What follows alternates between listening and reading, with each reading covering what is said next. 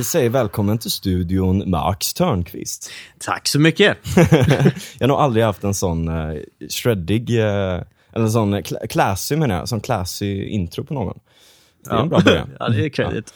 Uh, du är politisk tjänsteman VGR uh, och är, sitter i ledningen med sjukvård. Ja, och för, för de som lyssnarna som inte riktigt vet, kan lingot då, så är ju VGR Västra Götalandsregionen. Och för de som inte kan det lingot, så är det ju nämligen så att Sverige består av 21 regioner. Mm. Och Västra Götalandsregionen är en av dem och man ansvarar för bland annat sjukvård och kollektivtrafik. Och... Skitstor är den. Ja. Han är skitstor. Alltså. Det, det, alltså det, det, jag, nu kanske jag tar i från tårna, men eh, sist jag hörde så var det väl att eh, är Sveriges eh, största eh, offentliga arbetsgivare. Ja. Oj. Jäklar. 55 000 anställda ungefär. Och fan, inte, Stockholmsregionen är väl större? Nej, nej, nej. Det är moderatstyrt. Ja, det är för sig. det är för sig Västra Götalandsregionen ja. också. Men eh, de, har ju, de, har inte, de har ju lagt ut mycket mer på privata aktörer. Va? Så att, eh, ja, just det. Just det. De behöver inte sitta med lika många byråkrater och ja. egenanställda som vi behöver. Och sen är det ju jävligt många stora städer runt om i Västra Götalandsregionen också. Mm. Ja, åtminstone vad man ska kalla dem som regionala eh, knutpunkter. Ja. Vi pratar om Borås, vi pratar om eh, Trollhättan, Skövde ja. och så vidare. Va? Så att det, det är ändå Skåra. liksom, ja, ja, alltså det, det är ju ändå de städer som eh, växer exponentiellt. Mm. Med tanke dels på grund av många har ju då högskolor som många åker till och så vidare. Just det. Jön, nej, jag tänkte säga Jönköping University, det är ju inte VGR men... Nej, nej. Det är bara Ulricehamnarna som åker dit. ja. ja. Ulricehamn har ju bra skidåkning å andra sidan. Ja, det har de. Ja, eller ja. helt okej. Okay. Alltså nu kommer ju jag från Dalarna. Så att jag... nej, den är inte bra, men det är nära. ja, just det. Det är så det Ja, och du har varit i Göteborgspolitiken ganska länge också. Ja, alltså jag har väl varit aktiv i, eh, sen jag egentligen flyttade ner till, till Göteborg för drygt tio år sedan. Ja. Eh, och eh, började väl aktivera mig ganska snabbt. Eh, och eh, sen, har väl, sen har jag väl jobbat nu på, på VGR då, eh, sedan årsskiftet 2014-2015. Ja. Oj, det är ändå ett tag alltså. Du var ju ändå en av de som höll mig i handen när jag började. Ja, men så var kan det va? Också säga. Ja, absolut. Vi hade ju pubbar Mm. På, alltså inte muff då, alltså det, var ju, det var inte så att vi släppte in minderåriga, men vi hade ju pubbar um, med uh, massa talare och sånt liksom i början där för att kicka igång allting. För det var ju i princip helt dött. Ja, med, med verkligen. Liksom, liksom, Muff hade ju en del verksamhet här, men C och L och, och även KD hade ju inte så jävla mycket mycket bland, eh, bland ungdomar. Liksom. Nej, och det är ju liksom någonting som särskiljer, tycker jag, lite grann Göteborg gentemot Stockholm. Alltså att Göteborg har, de sa, Göteborg saknar ganska mycket politiskt liv. Alltså. Mm. Men om, om, man till exempel är i Stockholm så kan man ju slå upp kalendern och se liksom att det är seminarier, det är mingel och gud vet vad, liksom ja, hela veckan nästan lång. mer än man hinner med. Ja, mm. men verkligen. Alltså, man blir mätt redan efter två veckor. Medan här så är det, det, liksom, det, det är knappt någonting. Mm. Och det är ganska intressant med Sveriges eh, näst största stad som inte har något särskilt politiskt liv. Trots att vi har, ja men vadå, vi har ju ett politiskt engagemang. Vi har eh, partier som eh, Demokraterna som dundrar in eh, ja, i ett val med 17,5 procent. Mm. Det är klart att ja. det finns ett politiskt engagemang. Det men, är så jävla mycket röster. Men det, är liksom, det verkar liksom inte vara ett offentligt offentligt politiskt liv, utan alla håller sig på sin kant. Alla, det är som små öar som är så. Va? Och min, min, min mission har väl alltid försökt vara att eh, som befinner sig på den borgerliga kanten, att alltså, samla ihop folk och att man kan liksom, eh, ses och liksom, diskutera och umgås. Va? Mm, ja. eh, och, eh, och arrangera seminarier och sådär. Så att Eh, så nu har vi startat igång ett litet projekt här eh, med, med, Timbro. med Timbro förlag. Då, som att vi har bokat upp oss på Andra Långgatan under hösten och vi ska boka oss upp oss nu under våren. För att ha liksom, sådana här samtalskvällar. Eh. Ja, ja, men vi är på Kvarterskärnan där och det är verkligen eh, skitbra ja. lokal. Så att, och det har varit väldigt eh, populärt. Mm. Och jag tror faktiskt att folk är lite svältfödda i Göteborg verkligen. på att det händer grejer. Verkligen alltså. Ja. Eh, och, det är en slumrande stad på många sätt. Verkligen, och så. Mm. Väldigt mycket en konsensusstad känns det som. Det känns som att alla mer eller mindre mm. tycker likadant. Eller så är det bara min upplevelse ja, av att bo i Majorna. På Andalong så tycker folk ganska lika tror jag. Men, Ja, och i Majorna, där jag Ja. rör mig liksom. Där ja, är det väldigt och dit mycket... jag ska flytta nu. Ja, du ska ju flytta hit ja. Ja. ja. Men, eh, Välkommen. Tack. Eh, nu nu ändrar vi demografin. Ett steg i taget. Men, är- men det är ganska intressant, eh, om jag får flika in där, så är det en ganska intressant aspekt som är kanske vissa tycker är ganska kontroversiell. Eh, Och det, den brandfacklan eh, är är ju nämligen det att, att vi har ju Majorna där vi befinner oss just nu, Ja. eh, där eh, Vänsterpartiet har ett stöd omkring 40 procent. Eh, det är ju liksom ett riktigt stort parti här.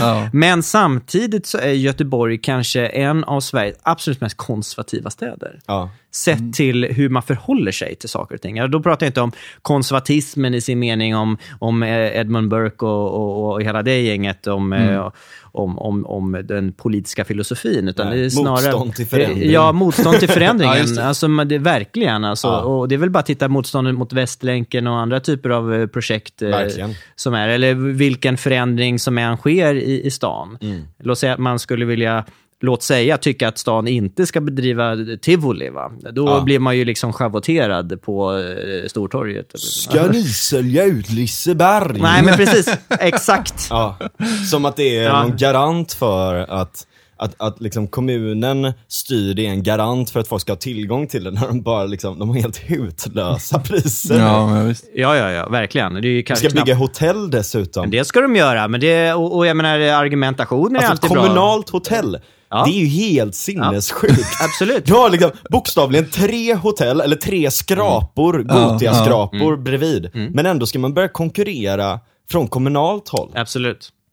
Det är Mm. sjukt. Ja, det är helt galet. Och ba, det sker bara i Göteborg. Ja. Och ingen ifrågasätter det egentligen. För Nej, att nej, det, nej. det är ju bara så det är. Ja. Ja. Och nu ska man ju bygga en ny arena dessutom då för att det här är så jävla sjukt. Eh, det är ett handbollslag som brukade vara i Lisebergshallen, på tal om Liseberg då. Eh, jag kommer inte ihåg vad de heter, men eh, halv, halvbra. eh, eller jag vet inte, jag har ingen koll på hand- handboll. Men det är, de, de brukar ju, man kan ju säga så här, de har inte jättemånga som brukar komma och kolla på deras matcher om vi säger så. Eh, det är ju nästan bara Partille som har liksom en levande eh, handbollskultur. Eh, nu kommer det komma så här något argt mail från någon. Här, Vi samlar flera hundra personer. Eh, men då ska de bygga, de, de måste ha en hemmaarena. De kan inte hyra in sig på någon annan arena. Eh, och de kan inte hyra in sig på någon grannkommuns arena heller. Trots att vi har jävligt bra connections till olika andra städer runt om. Utan man ska bygga en ny arena. Som ska ta upp mot 8000 eller något sånt där tror jag. Eller fyra, eller Ja, men, flera tusen i alla men fall. hur blev det med det där egentligen? För att jag tror att det där är ganska Det håller på att typiskt. utredas just nu. Ja, mycket som utreds. Och, men den, den, den magiska frågan man alltid ska ställa sig, varför, bygg, det ska man säga, varför bygger vi det här? Ja. Och, och grejen är att många som sitter vid bordet bara, mm, så tar de sig själva i pannan och undrar, vad fan, ja, vad fan gör vi det här för? Ja, men, eh, och, och, så, och så är det många som ställer frågan, och sen kokar det ofta kanske ner till att, ja men nog fan, då är det två stycken personer som Ja. har fått någon idé, som har haft en väldigt hög position, kanske Göran Johansson eller Ann-Sofie Hermansson eller någon annan. Göran Johansson lever inte längre. Nej. Nej, han lever inte längre, men han, han har ju liksom... Han lever kvar Han, han, har haft, ja, men han har väl haft projekt på gång som liksom ska realiseras eh, efter sin död ungefär. Och jag menar... Nekrokraten. Göteborgs nekrokrat. På tal om folk i republiken. Så illa kanske det inte eh, är. Nej, Nej. Ja, men hans dotter eh, höll, höll ju fanan där ett tag också. Ja, absolut. Hon Ja. eh, sitter väl eh, fortfarande i riksdagen, tror jag. Ja, det gör hon. Mm. Ja. Men, eh, nej men precis, det är ju sådär. Och då, då filar de så här, vad fan ska man ha det någonstans och massa sånt. Och, eh, ja, jag vet inte hur mycket, jag, jag fick lite inside info om det här. Jag vet inte hur mycket jag kan säga, men man kan säga att det är väldigt, väldigt mycket pengar som kanske ska läggas på eh, någonting som inte kommer kunna användas riktigt. Och man ska bygga som en sån här sportarena och alla såna här grejer. Det ska ha vet, alla linjer på, på, på banan och sådär. Eh, och så ska det dessutom fungera att ha konserter där och så också. För att det är det enda sättet de här kan liksom inte gå extremt mycket minus. Alla de här sportanläggningarna går ju ofta, eller många av de här sportanläggningarna går minus om de inte har konserter. Så då måste man bygga för det också. Och så vidare och så vidare. Trots att vi har Ullevi, vi har Scandinavium. fortfarande va? Eh, och, Men eh, det stora problemet tror jag, det kanske inte är egentligen att kommunen kanske går in och gör en investering på lokalen. Problemet är ofta att man går in och ska drifta Ja. hela liksom, kalaset också i Exakt. år efter år. Eh, Där skulle man kunna liksom få till en mycket större kanske samarbete med de här föreningarna och säga okej, men vi kan gå in med en klumpsumma här för att se till att föreningslivet har den här lokalen. Men ja. Vi vill också att ni liksom ställer upp med folk här, så, gör, så inte kommunen behöver anställa 100 personer för att liksom bara dra, driva runt det. Va? Typ Utan- lite OPS-aktigt. Ja, men man skulle nästan Ja. kunna, man skulle kunna överlåta ägandet sen, ja. Mm. alltså på sätt och vis till föreningslivet. Och sen så får de förvalta det på bästa sätt. Ja. Och eh, då är det en engångskostnad för kommunen, men, eh, men eh, på sikt så kanske det är, ett, är det enklare att, att, att göra så. Ja. Mm. Men där, alltså, det man kan dra lite från det är ju att eh, väldigt mycket är centrerat. Vi har, vi har ju liksom snackat om kultur väldigt mycket här innan och om hur det är så otroligt centraliserat i Göteborg. Eh, men det är väldigt, väldigt många områden som är det i Ja. allmänhet. Eh, och där kan man se att eftersom att så mycket är centraliserat till den politiska administrationen, även liksom politik och såna här saker. Alltså, liksom, liksom olika politiska instanser och väldigt mycket, så jävla mycket tyngd på det, så kanske det också har blivit mindre, jag vet inte, det kanske är ett resultat av att det inte finns en väldigt stor, bred, vibrant politisk eh, eh, kultur och diskussion i Göteborg.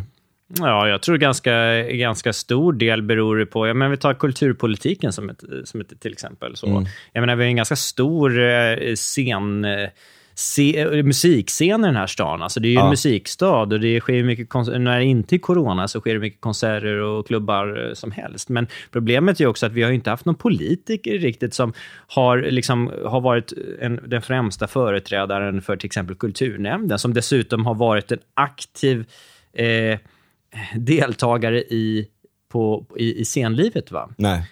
Vem, när, när, när kom kulturnämndens ordförande och gick på en, eh, på en Pustervik-konsert? Ja. Eller liksom, och, och samlade ihop eh, liksom ägarna där och snackade och drog upp ett panelsamtal Ja. och, och var en Eller del gjorde av en, det. gjorde en Gudrun Schyman och gick på ett rave. Ja, men bara Ja, vad fan. När, när, vi behöver Göteborg fler... har ju en av de bästa ravekulturerna i, i hela Sverige. Och det är ju alltså, internationellt sett ganska bra också. Men jag vill att kulturpolitikerna ska gå på rave. Ja.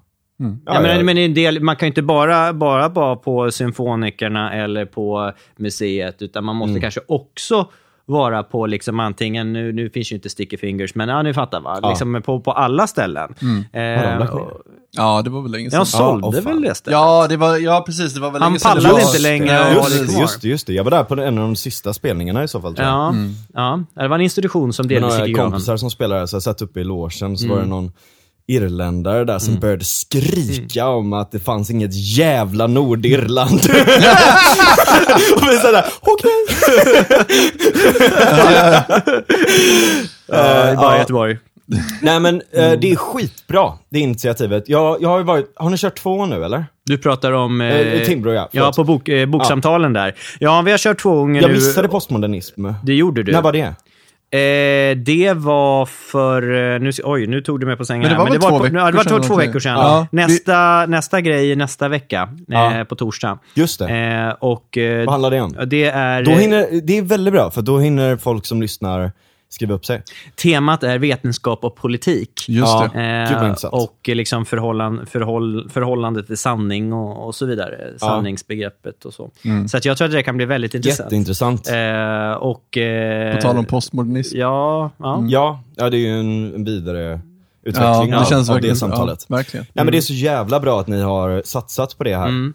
Det känns så bra att det är på andra lång. Ja, Alltså, jag, jag blir så glad. Ja, ja, men det var det som är min ursprungstanke. Att vi, kan, vi kan ju för fan inte vara bara i en, en eh, jävla tråkig eh, konferenslokal. Nej, Ännu fan, en liksom. gång med liksom Ja. lite bubbelvatten och eh, liksom, eh, lysrörslampor liksom, och så Ja. välkomna och hej då. Utan vi ska ju vara i en lokal som på något vis representerar Göteborg. Ja. Och jag menar, vad är bättre då än att vara i en underground-lokal med liksom en scen på riktigt, Ja. med eh, möjlighet till förfriskningar och allt det där. Och på en gata som, ja, är Göteborgs nöjesgata. Ja. Eh, och varför inte? Eh, och dessutom så, jag ska säga att det här, eh, vad kan man säga, projektet som ändå kvartersscenen Andra Lång är, det är väl en ideell förening som driver det här och det är ju väldigt lovvärt. Alltså. Det är Ja. ju väldigt prisvärt för att liksom sänker trösklarna för att folk ska få komma in och, och liksom eh, nyttja en gemensam scen.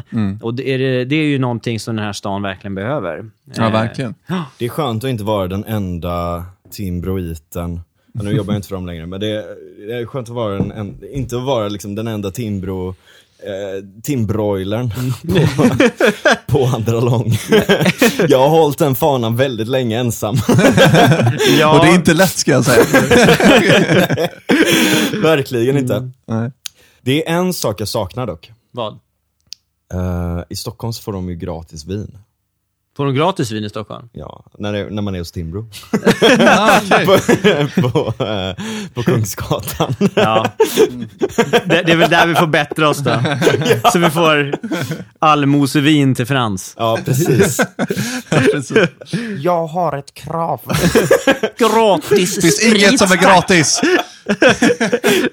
Frans, borde du veta. Ja, nej men låt oss gå vidare till eh, sjukvård.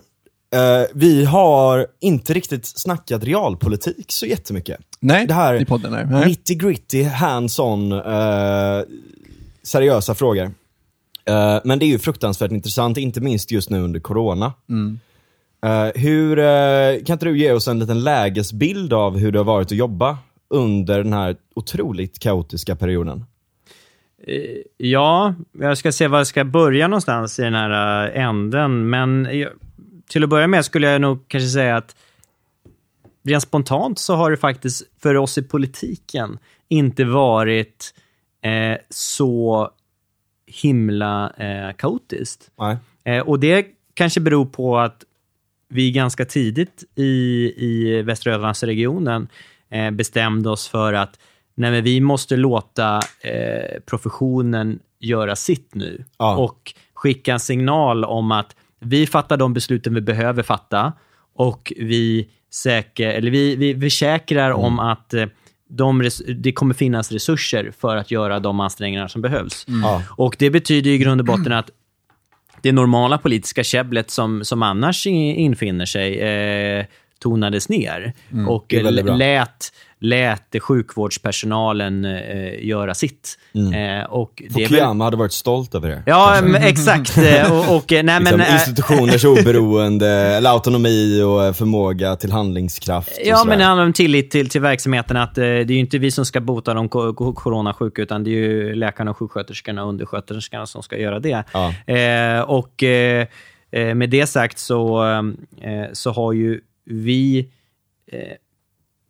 kan man säga, bevakat läget och eh, så. Ja. Eh, utifrån en, en, en, eh, en sådan position. Där vi har hela tiden fått löpande rapporter om hur, hur det har gått och om det är några fler beslut vi behöver fatta. Och det är väl först nu som, som vi kommer behöva Ja, vi presenterade en, en kompletteringsbudget i, i måndags där vi eh, visade vägen framåt för hur vi ska hantera den så kallade vårdskuld som har uppstått med, med anledning av pandemin. Då. För, men, för när folk har kommit in till sjukhusen mm, som coronasmittade så har ju, om man att stanna hemma, då är det ju så att man kanske inte har gått till sjukvården eller vårdcentralen när man har känt sig krasslig eller vad det nu men må vara för någonting. Och där, där kan det ju till exempel vara så att det är en hel del kanske cancerfall som inte har upptäckts, som normalt sett brukar upptäckas. Om man ska prata om liksom genomsnittstal och så vidare under ett år. Så Jaha, det blev mer upptäckt här. Nej, men alltså du, man får ju glömma att de som annars hade gått och blivit upptäckta kanske inte har blivit upptäckta. Ja. Och då har ju inte de fått sin vård än. Så då kanske de eh, befinner sig i ett senare stadium när de väl går, kommer till vården. Ja, det. och, så Så, det, och, och sen är det ju operationer som har fått ställas in och liknande. Och besöks som har ställts in. Och Ja, just det, här- tvärtom ja. Ja, såklart. och, och det är någonting som måste hanteras nu vid sidan av ordinarie verksamhet. Eh, och eh, då har ju vi lagt fram en plan för hur det här ska göras Ja. och vilka pengar som ska tillskjutas så att eh, måste... Men en sån här sak till exempel att eh, vår verksamhet, den ordinarie, vår egen regi har ju jobbat som tusan nu. Många av dem är ganska trötta. Eh, Ja, ja, och, då, och, och, och då kan vi inte vi tro att de ska jobba liksom 120% för att beta av ytterligare köer. Nej. Utan då har ju vi bestämt oss för men då måste vi börja upphandla mycket mer Mm. eh, av privata aktörer som har kliniker, Just som det. kan göra operationer och eh, ingrepp. Eh, och eh, då måste ju vi stå beredda med de medlen Ja. och, och eh, arbeta på något sätt parallellt med den ord- ordinarie verksamheten. Just så det, är väl det. det som vi har jobbat med nu. Eh, så att det har blivit mer realpolitik eh, och mer politiskt käbbel nu eh, än vad det varit, eh, kan man säga, ett halvår tillbaka. Ja. Nej men om man tar hela den här eh, grejen om privata aktörer och sådär. ehm, först och främst så kan man ju se eh, på äldreboendena att de privata äldreboendena har ju haft en större handlingskraft att kunna agera tidigt, ta in olika measures och sånt för att det kanske inte har gått i samma byråkratiska led, att det har funnits en större, eh, större förmåga att omställa. Eh, vilket också har lett till att de har haft en mindre överdödlighet. Eh, och det är ju verkligen skitbra. Trots att, och det- där blir man så jävla lack också, att de har ju slängt ur, alltså många sossar och så här, slängt ur sig att, det, att de är det stora problemet. Så har de pekat på typ en enda privat instans trots att de har presterat väldigt, väldigt mycket bättre överlag. Ja. Ja, Vi har ju Socialdemokraterna i Västra Götalandsregionen som har, och inte de ensamt, utan även med Vänsterpartiet som ett, ehm, kan man säga, i släptåg som eh, eh, kritiserar, ehm, vill skjuta in de privata eh, sjukförsäkringarna i, i, Ja. i debatten för att man tycker sig tro att folk vill gå parallellt eh, med vår egen struktur för att få vård snabbare och så vidare nu. Ja. Eh, och de försöker ju göra detta till en, till en, eh, en, en, en, fråga såklart. Jämlikhetsfråga. Ja, en jämlikhetsfråga såklart. Och, sen, eh, och då kan man ju ha olika perspektiv där. Och det måste man ju få ha. Eh, I att man, vissa tycker att eh, ja, men man ska inte kunna få köpa sig förbi. Eh, och, eh, och, sen kan, och det skapar ojämlikhet för de som inte kan ha en sån försäkring. De får minst ställa sig i den vanliga kön. Men det, det, det är en sån jävla missledande formulering. Ja, att köpa det är det här. sig förbi. För att Ja. jag menar absolut, du köper dig förbi för att du köper, alltså, du köper från e- en extern kö helt enkelt. Ja, du köper ju inte förbi den kön som, som man pratar om. Det, låter, det är ju det de får det att låta som, att man, att man köper liksom, just i den kön, men så är det Ja. ju inte, utan du köper ju tillgång till någonting Precis. utöver. Och där kan man ju se att, ehm, att absolut så här, om man ser ett temporalt perspektiv, alltså ett tidsperspektiv som bara är typ idag. Mm. Säg att jag har en privat sjukförsäkring som gör att jag kan få vård imorgon. Ja. Mm. Och den som står först i kö får dem en vecka. Eh, för, eller, så funkar det men du vet så här. Den som står Rent ganska nära i kö så att säga, Mm. ganska långt upp i kön, får det snart. Men jag får det imorgon för att jag går på en separat kö. Absolut, jag går före den personen Men det är inte samma kö. men det är inte samma kö. Och där är det ju så att eftersom att det inte är samma kö så ser man ju också, om, om vi ser det i ett långsiktigt perspektiv, att då kan ju också flera kliniker byggas ut. Alltså det blir en marknad även runt de som vill lägga extra pengar på vård. Man får, ju, man får inte glömma bort det i sammanhanget och du snuddar vid det där Frans. Och det är ju det att eh, naturligtvis att de personerna som har en privat sjukvårdsförsäkring, de flesta har ju faktiskt inte privat, privat så tillvida att du betalar själv, utan du, det är ofta någonting du har via din arbetsgivare till exempel. Ja. Eller Och- fackföreningen Ja, eller fackförening Ja, för den delen. Absolut. Absolut. absolut. Eh, Och, eh, eh, men du betalar ju likväl din landstingsskatt, eller regionskatt. Exakt. Så att eh, du, det är ju någonting du gör därutöver. Sen är det ju också så att vad regionerna förhåller sig till, det är ju den eh, statligt reglerade vårdgarantin Ja. eh, på 90 dagar. Mm. Det betyder ju att försäkringsbolagen som har sina försäkringar, ställer de eh, eh, krav enligt eh, 90-dagarsprincipen? Nej, de har mycket tuffare eh, Ja. tillgänglighetskrav. Eh, till exempel att du ska få en, en behandling inom en månad. Till exempel. Eh, och eh, då naturligtvis, då kommer du få en snabbare behandling för att eh, de här gör ju avtal med olika kliniker, privata kliniker oftast. Eh, Kalanderska i Göteborg är ett gott exempel. Många elitidrottare som, som har försäkringar via dem och gör sina knän och sånt när det går sönder. Ja. Eh, och jag menar, Kalanderska har ju också i sin tur avtal med Västra Götalandsregionen. Men Västra Götalandsregionen ställer inte alls lika hårda, hårda krav på Nej. Kalanderska som ett försäkringsbolag gör. Nej, just det. Vilket gör att, ja, Kalanderska de, de, de åsidosätter ju inte kraven från Västra Götalandsregionen, utan de jobbar ju av enligt den, de kraven. Men de följer ju också de kraven som försäkringsbolagen har. Ja. Men det innebär också att Kalanderska kan utvidga, nu blir det väldigt mycket reklam för dem. Att Nej, de men kan, till- Ta dem som ett att de, exempel. nej, men, Ta som ett exempel. exempel. Vi får göra Eh, reklam att, för att vem de kan eh, utvidga sin eh, verksamhet. Att de kanske startar en ny klinik. Ja, är det många som vill handla upp hos dem eller köpa deras tjänster, då är det klart vad som helst. Då kan man ju bygga upp med några avdelningar till. Ja. Absolut. Men hur är det? Eh, De företagen, alltså om du har ett avtal med ditt företag, eh, sjukvårdsförsäkring, eh, då är det avdragsgillt. För företagen. Ja, det Eller? har varit det åtminstone. Det har varit det. Mm. det är Jag, det jag, kan inte, jag kan inte svara på det om det... Ja. Jag vet inte. Jag tror att det är- fortfarande är det. Ja. Och där blir ju ändå ett skattebortfall. Ja, och... Om problem- de inte hade använt det till, till andra saker kanske. Och ett problem med det, alltså så här, jag, jag har suttit med det här och försökt, för, för jag, jag, jag ser liksom inte, så här, de som ser problem med det här systemet, Mm. det är ju de som är rädda för klyftor i samhället. Mm. Och visst, här, jag är inte för klyftor i samhället om det innebär att en grupp får det sämre än någon annan. Men om en grupp får det bättre än andra, då är det ju inget problem egentligen. Eh, så att, och, och det vi pratar om nu, det är ju ett, ett, liksom ett, ett kompletterande system Mm. för det här. Men just när du, precis när du lyfter den grejen med att det blir av, avdragsgillt, då risken är ju att det blir två parallella system där.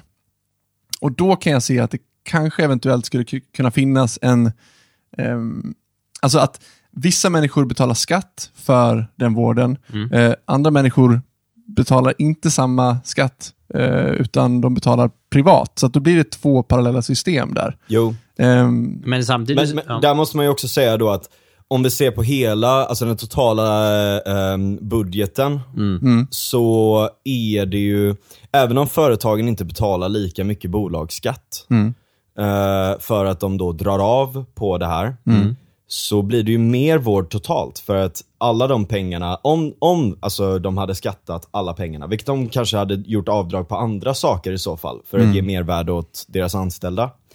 Ehm, om de, eh, men om, om de säger att de nu gör det och de drar av på det här, ehm, så är det ju pengar som hade gått till en jävla massa saker. Eh, till, till liksom det ena och det andra, till typ arenabyggen som inte är lönsamma ja, ja, eller vad jo, fan visst, som helst. så är det ju. Så är det ju. Så att vård, vården påverkas ju inte så mycket av det här, utan den, alltså vården påverkas ju positivt snarare. Ja. Den påverkas, man kan, påverkas vända, man kan ju negativt, vända på det. Och, och, man kan vända på det och säga att alla som inte då, alla som har en privat sjukvårdsförsäkring, de kommer ju inte heller belasta de kommer ju inte belasta den offentliga vården. Det betyder att de, men de betalar fortfarande för den. De betalar för den, men de kommer inte avla, belasta den. Vilket betyder ju att du kommer egentligen att underlätta för de som bara fin, befinner sig i den offentliga vården. Exakt, för att då blir deras kör kortare. Ja. Och det är ju det här, alltså en sån filosofisk princip om egalitarianism kontra Pareto-förbättringar. Eh, där, Det får du förklara. Ja. eh, där, där kan man säga att ehm, synen på att om det blir lite bättre för några och jävligt mycket bättre för några andra, så får alla det bättre. Men Men, hur, men, det är, men vissa får det bättre än andra. men hur förhåller man sig till det, om vi stoppar in ett vänsterargument i det sammanhanget då? ja. Får höra ett riktigt bra Stillman-argument här. Ja, ja precis. Ja, men vänsterargumentet då är ju hela tiden att man liksom tycker att eh, relativa termer eh, betyder något. Ja. Låt säga vi pratar om inkomster till exempel. Att om, om vi säger att du, du tjänar eh, eh, 35 000 i månaden och du tjänar eh, också 35 000 i månaden. Ja. Men jag tjänar eh, 25 000 i månaden. Det betyder ju att jag känner, men, men, men, men i, ett, i ett globalt sammanhang så kanske jag känner, jag, jag har ju allt jag behöver, jag har inga problem, det går, jag betalar Ja. min hyra, jag kan resa utomlands när jag vill och så vidare. Va? Men relativt er, som kanske befinner sig i min umgängeskrets, så Ja. kommer jag känna mig att jag har, är mindre bemedlad. Och det kommer påverka mig oavsett vad, om jag vill eller inte. Ja, För att, precis. eh, jag, kommer inte, jag kommer inte jämföra mig med en, en ensamstående kvinna på den indiska landsbygden. Jag kommer jämföra mig med mina kompisar. Mm. Här, kommer, här tycker jag att vi klipper in Margaret Thatchers what the honourable member is saying is that he would rather the poor were poorer, provided the rich were less rich. That way you will never create the wealth for better social services as we have. Tack Margaret Thatcher. För Vi din har, input här. vi har ju faktiskt Och- en liten actionfigur av Margaret Thatcher. Just det, en nötknäppare. Eh, nej men, och jag tycker att hon har en poäng där. I det att, absolut, eh, det... På ett sätt så, så, kan man verkligen, eh, så kan man verkligen se det så att det är väldigt, väldigt enkelt att alla får det bättre. Men det finns såklart fortfarande ett argument i att relativ fattigdom eller relativ välstånd och allt sånt där eh, påverkar. Det ju- men, men nu, ja. jag menar, nu för tiden så nås vi av hela världen hela tiden. Mm. Och dessutom så har vi- också varit ganska öppna för hela världen hela tiden också. Men man, och det, är ju det, det är det som är argumentet lite grann om man ska prata om man ska ta vän- vänsterperspektivet hela tiden här. Då är ju det att vi har ju våra förorter, vi har våra liksom, eh, då socioekonomiskt utsatta grupper. Ja. Eh, och där är det ju nämligen också så att jag menar, där har ju många som lever på socialbidrag och bostadsbidrag och flerbarnstillägg och you name it. Va? Eh, det här är ganska goda inkomster kanske samman, sammantaget i ett internationellt eh, perspektiv. Eh, men utifrån ett perspektiv där de här personerna tjänar, eller får, de tjänar ju inte pengarna, utan de får pengarna eh, jämfört med några som tjänar ganska mycket pengar. Ja. Det är klart att det kommer ju skapas en, den här klyftan då, eh, mellan de här två grupperna inom landet. Det är snarare, man pratar om någon form av split i landet, Ja. snarare utifrån ett eh, internationellt perspektiv. Och, och, det är väl, och det är väl det som är, eh, det är väl det som kan eh, skapa resentiment. Alltså. Jo, men, men där är också, det förutsätter att man är en extremt homogen kultur. Och att man är ett extremt homogent land. Vi är väldigt globaliserade. Vi ser väldigt mycket runt till resten av världen och sådär också. Eh, och Men samtidigt dessutom bara- så har vi tagit på oss att hjälpa väldigt stora delar av resten av världen också.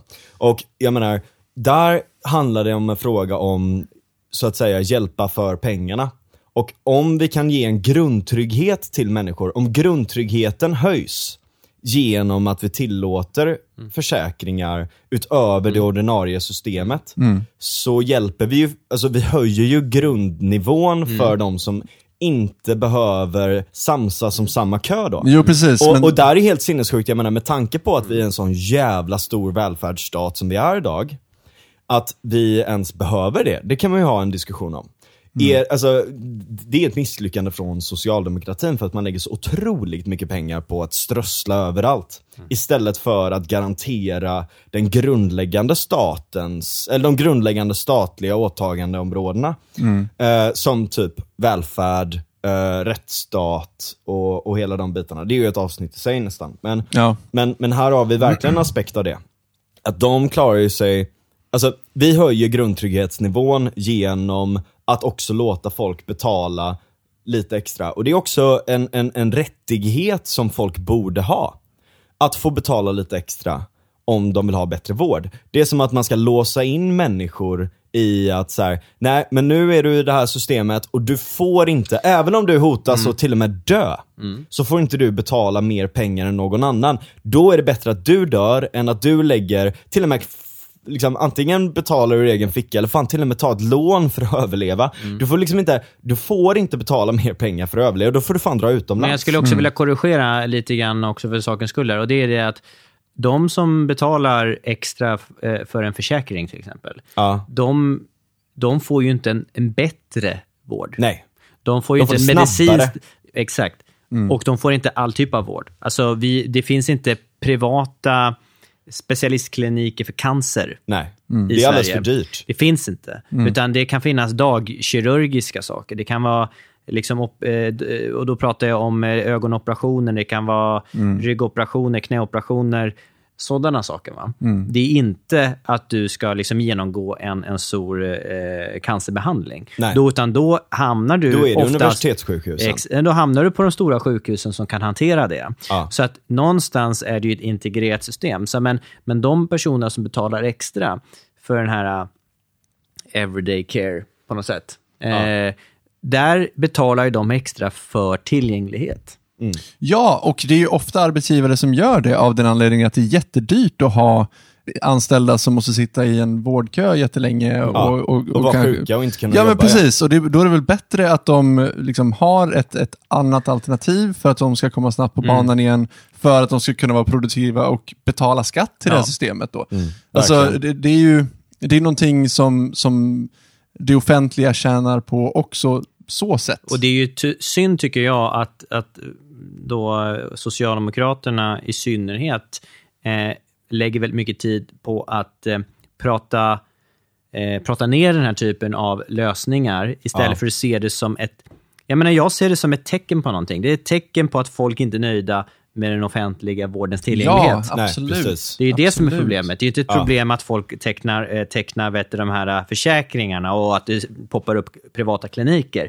Det är ju ett symptom på någonting. Mm. Ja, ja, att vi har verkligen. ett problem, att vi får vänta, att du ringer till din vårdcentral och de säger ja, vi kan först se dig, träffa dig om två veckor. Ja, Och det är därför du har Kry, min doktor och Mm. så vidare. För att folk vill ha eh, en, en läkarkontakt precis. direkt, För ganska, ibland ganska små saker som faktiskt går att lösa. digitalt Ja. till exempel. Grejen är så här, jag, jag tycker inte om strawmanning, eh, så, eh, men jag har, verkligen, förs- så jag har verkligen försökt hitta bra argument. Men i den här frågan så kokar det typ ner till att det, de vill hellre att alla ska ha det lika dåligt.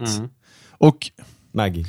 Ja, men, ja, men, det, men det blir ju det, Ja, blir ju det det, vi landar det, i. ja. Och, och det är så frustrerande för att så här, i, i många frågor så, så kan jag ändå hitta argument från vänster där jag kan, där jag kan bli osäker, eller osäker, men jag kan liksom säga, ja men det är sant, det finns en poäng i det här och jag måste gå och fundera på det här. Och, och jag är inte så säker i allting, även om jag kanske låter det. Men just när det kommer till de här frågorna så, så har jag inte än hört något bra argument som, som, som får mig att, att tvivla det Nej. Och har, har, får jag bara fråga er, har, Ja. har ni något bra argument som ni känner att men det här ligger ändå någonting som, alltså om ni ska stilmäna det, Det för det, skulle, blir ju lätt att vi det och skulle med. möjligtvis vara det att det är avdragsgillt, vilket resulterar till mindre intäkter till staten. Mm. Eh, men å andra sidan så är det, eh, så jag menar företag har avdrag för saker och ting som är betydligt mycket mer tveksamt Mm. än sjukvård. Ja, Och då kanske man ska börja där. Vi strösslar jävligt mycket pengar på skit och vi strösslar jävligt mycket pengar på bidrag och avdrag till företag. Det är mycket, mycket, mycket bättre att börja där än något så fundamentalt Ja, som, ja, ja. som sjukvård och välfärd. Det, är, det är avundsjuka i viss mån. Men det, det, det där är också otroligt intressant diskussion, för det där, det där, kan, det kan man diskutera hela kvällen och det, det, det bottnar i politikens oförmåga att göra prioriteringar. Ja. Alltså politik, svensk politik har inte behövt göra ordentliga prioriteringar på, ja, jag skulle säga två decennier åtminstone. Ja. Och då pratar vi om att man i grund så jävla mycket skatt. Ja, med grund och botten av att man, man kan alltid ge lite extra till allt, Ja. istället för att lägga korten på bordet och säga så här, okej, om vi vill satsa på A så måste vi dra ner på B. Mm. Det där sker ganska sällan i svensk politik idag. Och det är på nästan alla nivåer. Det är väl möjligtvis avbefolkningskommuner eh, kommuner på, gla- på landsbygden som har ett rejält problem. ja, ja. Men om vi tittar på stora städer och våra stora regioner så har det inte behövt göras några skarpa prioriteringar. Vi tar Västra Götalandsregionen som ett exempel. Vi har Sveriges, utöver staten, den största kulturbudgeten i Sverige på en och en halv miljard ungefär. Jävlar, Mm. ja. Det är mycket pengar. Eh, Hur får jag del av de här pengarna? exakt. Du, kan, du kan söka. Nej, jag kommer aldrig göra det. Nej, vad bra. Nej. Av princip. Ja, princip. Men det finns de som lägger sin, eh, hela sin eh, vakna tid på att söka de där pengarna, så det är inga Ja. problem. Men, men och, och det här, det, det jag menar att då gör man massa insatser där för de här en och en halv miljarderna och många saker är naturligtvis bra och så vidare. Bland annat, bara för att så folk ska förstå vad vi pratar om, man finansierar hela Göteborgs opera, man finansierar hela Göteborgs symfoniker och, och så vidare. Och man har massa teatrar och, och det ena med det tredje. Man gör mycket saker för de här pengarna och pengar går, går till det fria konstlivet och sådär. Men eh, saken är den också att man orkar inte göra de här prioriteringarna när det ställs mot saker som man kanske har ett större behov av. Och det Ja. där grundar sig lite grann i för att vi har massa politiker som är ordförande för någonting. Ja. Är du en politiker och du är ordförande för kulturnämnden, då kommer du aldrig kunna säga nej men jag väljer att dra ner på min nämnd där så att sjukvårdssatsningen här blir till stånd. Eh, jag går med på att sänka min budget. Det kommer aldrig hända, för att Nej. ditt enda uppdrag är att få mer pengar till din nämnd och så att dina då kulturutövare blir glada och nöjda. För annars kommer du behöva ta de kulorna. Va? Och det vill du inte, Nej. utan du vill vara poppis. Så att förutsättningarna för att göra prioriteringar är skitdåliga, eh, egentligen. Ja. För att det folks egenintressen spelar in i det här. Eh, till exempel, vi har eh, Folkteatern.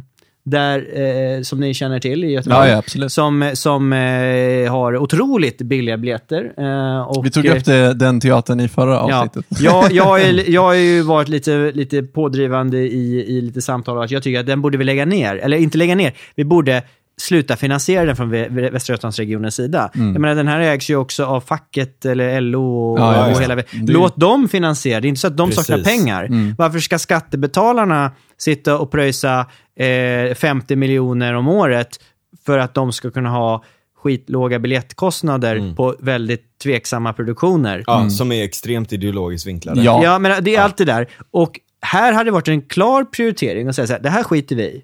Jag he- lägger hellre pengarna, jag tar pengarna från Folkteatern, antingen, och lägger dem på någonting annat såklart. Jag kan lägga dem på sjukvården. Inte för att 50 miljoner skulle göra så mycket i- en fler miljardbudget. Men jag kan också säga att nej, men jag väljer den på att lägga den på mindre scenaktörer i Göteborg. Ja. Till exempel. Mm. 50 miljoner kronor där är ganska mycket pengar. Ganska Verkligen, mycket pengar. Mm. Men att pumpa in dem i en stor institution som sväljer att ha massa liksom, eh, anställda och, och, och, eh, och så. Va? Det är Mm. klart, outputen där blir mindre. Ja, Mm. men alltså bara ett teoretiskt scenario. Jag, är skeptisk till en hel del kulturbudget eh, i allmänhet. Inte minst eftersom att man också aktivt motarbetar all kultur som försöker sippra upp från asfalten, så att Mm. säga.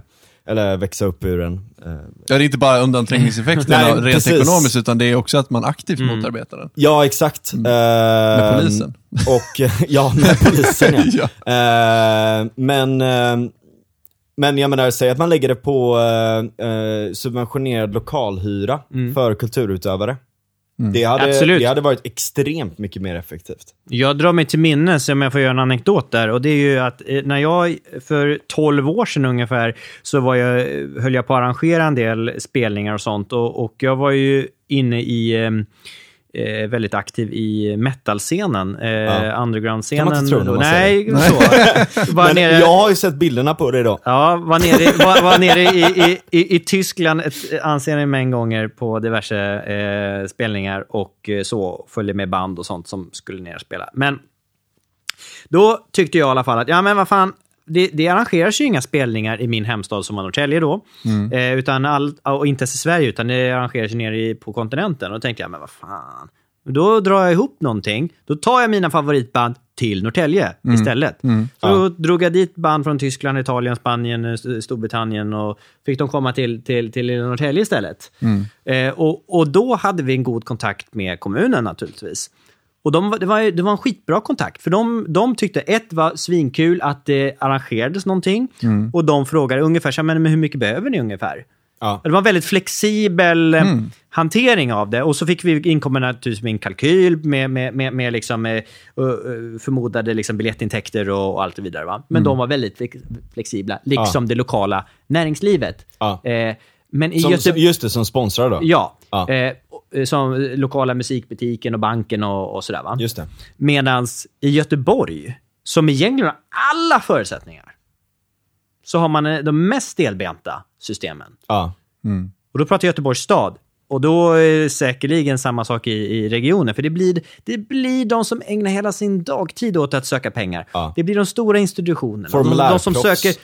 Precis. Ja. Mm. Det blir liksom formulärriddarna. Va? Och det är liksom... eh, Det är, ju, det är ju sällan de enskilda eldsjälarna som kommer på en idé och kanske eh, hittar en scen och här skulle vi göra någonting. Som också tänker, fan jag ska kontakta kommunen och få ut massa pengar. Ja. Och det, det finns inte på deras karta att man ens kan göra det. Nej. Hur Nej, når nej. man dem? Nej, jag har ingen aning om hur man gör ens en gång. Men jag har aldrig brytt mig om att göra det heller. Nej, men Så eh, istället, istället för Folkteatern då ska få eh, skitmycket pengar. ja. Ja. Nej, det är ju... Till exempel. Mm.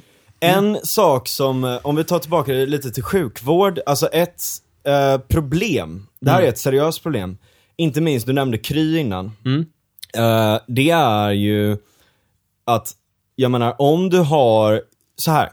Eh, för, för, för att backa, backa bandet lite, det är jättebra med incitament i sjukvården. Vi har ett, ran, eh, ett system som bygger på ransonering i dagens Det är läge. ju sjukt. Eh, som, som är, alltså det finns, en, det finns inbyggda köer. Jag menar det kostar ju inte mer, det kostar snarare mindre att uh, vårda någon idag än om flera månader. För att då mår de sämre. Det, de är vä- värre däran. Uh, men vi har ett ransoneringssystem för att det ska kunna gå ihop rent ekonomiskt. Eh, över, över tid så att säga. Eh, och där är det väldigt bra med privata aktörer som kan steppa in och lösa vårdproblem eh, snabbare i allmänhet. Kry är ett jättebra exempel. Om vi ska gå in på till exempel digitalisering av vård, e-hälsa, alltså förmågan att kunna samla, eh, samla vårddata över tid genom appar eller till och med sensorer i kroppen. Eh, nu låter jag som sån här Bill Gates Ja, nu blev jag eh, nervös eh, nej, men, det, Man behöver inte ha ett mikrochip som kan kontrollera en. nej men alltså, du, jag menar, det, värsta, det finns massa olika sensorer, jag menar, det, det är inte, de, kan inte styra den hjärnan. Jag önskar att vi var så långt tekniskt ute att vi kunde göra det. Men eh, att kunna samla mer vårddata, att kunna jobba mer digitalt, att kunna jobba med e-hälsa och att kunna jobba med besök som är via distans är extremt bra. Men ersättningssystemen, det finns ju en problematik i hur du bygger upp incitamentsystemen. För företag kommer också att eh, maximera pengar från de här incitamentsystemen. Så där ligger du verkligen, om vi nu verkligen ska gå till nu är vi lite i ett, ett mellanting på många sätt. Alltså privata Ja. aktörer kostar ju inte mer, ofta mer effektiva. Sen finns det vissa, vissa fall där de eh, presterar sämre, men du har kommunala instanser som också är jävligt dåliga. Men du har ju också till exempel Kry som har tagit ut lika stora arvoden som ett fysiskt besök, även om det kanske inte är lika effektivt. Ja, man får inte glömma, det där är ju, det där är ju faktiskt upp till, det är regionerna som bestämmer eh, tillsammans med, sen har det funnits riktlinjer från statlig nivå. Alltså vad, vad, vad ska ett, eh, ska ett digitalt besök vara lika mycket värt som ett fysiskt besök? Ja. Och inledningsvis nu så har det ju varit så att det varit lika mycket värt. Och det är klart att då finns det ju en, ett incitament hos dem att få in väldigt många besökare. Ja. Sedan får man inte glömma heller att då har det ju varit så att då har de kanske eh, etablerat sig fysiskt i en region. Men de är ju digitala som finns överallt. Mm. Ja. Så att om jag som från Västra Götaland Just det, just det. ringer in till Kry, då ringer jag inte in till Västra Götaland. Då ringer Nej. jag in till Jönköping. kanske Jönköping. Ja, just det. Och då blir det utomlänsvård. Mhm. Vilket betyder att då blir en annan taxa. Eh, så att då kostar det väldigt mycket för Västra Götaland, för de får ju räkningen sen eh, skickat till sig. Just Ja. det. Eh, Och Jönköping har för tillfället det mest förmånliga för Kry att vara där va? Ja, det... det och, uff, jag tror också Sörmland. Ja, okej, Sörmland, de, Sörmland, de införde Det är ju... bra att de är bäst på någonting. eh, De införde ju grad, grad, kostnadsfria besök i primärvården. Helt Ja. kostnadsfria besök i primärvården. Och det, det är klart att eh, det sänker verkligen trösklarna för att komma till Kry i Sörmland. Ja. Eh, men... Eh, Vadå gratis? ja, alltså du betalar ingenting för att gå till, eh, till Aha. primärvården. Ah, Det där är dåligt alltså. Mm. Det är därför det är bra med patientavgifter. Faktiskt, ärligt talat, eh, det är faktiskt en jävligt bra grej. Högkostnadsskyddet som vi har, det är superbra. Det vill säga att har du betalat upp till en viss nivå, det var Centerpartiet som införde för övrigt. Eh, högkostnadsskyddet. Eh, har du betalat upp till en viss nivå så, ska du inte betala, eh, så, så betalar du inte mer pengar. Men problemet är att när du har ett system som är helt gratis, då är det massa människor som går dit i onödan och slösar, alltså det är så här, hypokondriker liksom, som, som går dit och bara slösar en jävla massa Ja, pengar. Hypokondriker går ändå, men... Nej, men nej, jag men, då måste de betala precis. för sig, Mm. vilket Ja, innebär att det är en större tröskel. Eh, Ja, ja. jag- Jag skulle nog kunna säga att så här, fan höj, höj, eh, höj de avgifterna istället nästan. Och jag menar, ha, och där är också så, så bra liksom då att så här, eller rättare sagt här, där, där kan man nästan se att det är bra att ha olika system för att det är skitbra att hypokondriker, eller i, i allmänhet folk som kanske har svårt att röra sig ut, eller folk som bara har en någonting som, som innebär att de vill bara kolla det snabbt utan att sitta i tre timmar i kö, att de kan höra av sig till Kry. Men då kanske det inte ska vara samma ersättningsnivåer och kanske inte lika höga kostnader, alltså höga, Ja. höga patientvårds... Och jag tror Eller vad, att- vad heter det? Pa- patientavgifter. Jag tror, Ja. att, jag tror att man eh, liksom försöker komma till bukt med det där nu. Och, eh, men sen så har ju Kry skjutit sig själva lite i foten med tanke på det som har hänt i Stockholm. Att, eh, att så fort du tar hjälp av dem så skulle du fylla i, liksom, trycka någon ruta och så helt plötsligt var du listad. Ja, just det. Vilket betyder Ja. ju att eh, oj, helt plötsligt hade de flera tusen eh, listade. Eh, från ing- för, folk inte ens visste att de var listade. Där. Precis, och då måste man ju förklara också att de får alltså en klumpsumma för de här personerna. För varje person du har listad. Nu är det lite olika system med varje region, men ungefär så får du en, en, viss summa per person och med tanke på beroende på vem du är och hur gammal du är och, och vilka problem du har och så vidare. Eh, så att ju fler listade du har, desto mer pengar får du. Mm. Eh, och eh, då var det så att när du skulle söka in till dem så, så blev det ju mer eller mindre automatiskt listad för att du skulle kryssa in någon ruta och någon finstilt eh, jävla text vet du, och sen så var du, var du listad utan att du hade fattat det ungefär. Och det fick de jättemycket kritik för och det där tror jag liksom kanske eh, kommer slå tillbaka lite mot dem. Att, Verkligen. eh, Jag menar, det är Ja, men det är så otaktiskt, Det, det, det, känns som att det känns som att det är bara massa eh, liksom PR-folk som sitter bakom rattarna där Ja. och inte begriper att eh, förtroendet för Kry Ja. Det är ju, då, det är ju det är så då, dåliga, dåliga PR-människor som inte Ja, men, men det är det jag menar. Så fo- när Ja. man skickar in för mycket, för mycket PR-folk som inte begriper, Mm. eh, i det här fallet också politik. ja. Eller förtroende i allmänhet. Ja, men alltså Ja. alla de här delarna. För om man tror att man kan komma in som någon form av någon jävla eh, liksom, cyniker och bara liksom eh, förändra systemet och mjölka ur alla pengar, ja men då, det funkar inte i Nej. Sverige. För Nej. du kommer tappa för, förtroendet Exakt. hos eh, en var. Va? Och där är så här, disruption är skitbra. Att få in innovation, att få in eh, eh, liksom, privata företag som kan eh, få bättre, alltså, bättre flöden, bättre administration och, eh, och, och, och kunna liksom försöka utveckla sjukvårdsverksamhet är svinbra. Men problemet är ju det att så här, ska du etablera dig som en långsiktig aktör, eh, eller i allmänhet för den hela privata marknaden, ska du också få det svenska folket att känna att så här, okej, de här personerna kommer in här för att innovera, för att försöka minska ransoneringstänket och för att göra det på ett sätt som inte kostar mer pengar och ger mer resultat. Då ska du inte försöka spela systemet. Nej, men skit i Och, och, och man, kan, man, man kan ju kritisera dem för det, absolut. Du kan, du kan absolut. kritisera dem hur mycket som helst för det, men det finns också en problematik i ersättningssystemen från staten. Det ligger på båda parter Just där. det, just det. Där är, ju- men där är ju inte heller, det är ju regionerna också som, som, det här som också blir fel i debatten lite grann, för att även när vi pratar om de fysiska vårdcentralerna, så, så, så är det ju från vänster ofta så att ja, de gör så stora vinster och det, går, det är så mycket sämre och allt vad det är. Liksom, och det är Mm. Det är inte stora vinster. Men alltså, de har ju, de har ju lägre vinst Ja, i snitt men- än vad andra sektorer Ja, men, ja, men, ja, absolut. Men, men grejen är, som är viktig att lyfta, det är det är för fan, sen, det är politiken som sätter reglerna. Man har ju gemensamma regler i varje region för vad, som, vad du som vårdcentral måste uppfylla för att bli godkänd. Ja. Och vad du sen måste följa för att bedriva din verksamhet. Det är samma regler för de privata som för de offentliga. Ja. Och eh, att då komma och säga att det är massa räkmackor för de privata och det är ditten och det är datten, det är totalt felaktigt. Det är faktiskt lite tvärtom. För att tittar man på hur många regioner som i sin offentliga och egen energiprimärvård, vårdcentralerna då, gör förluster varje år. Eh, så är det, jag tror att det senaste siffran jag såg så är det 20 eh, regioner av 21 som gör förluster i sin primärvård. Åh jävlar. Ja, hade det här varit en privat, eh, privat aktör, då hade de ju gått i konken. Ja. För att de måste ju se till att de har en, en, en, en, en, en vettig verksamhet som, som har en sund hushållsekonomi som funkar. va? Medan de privata liksom går med underskott. Ja, men var tar man det underskottet ifrån? Du menar de offentliga Ja. med Ja. Mm. Exakt. Ja, de och det är det, ska man belöna företag som presterar bra och går med vinst? Eller ska man belöna de som går med förlust för att de har ineffektiv administration?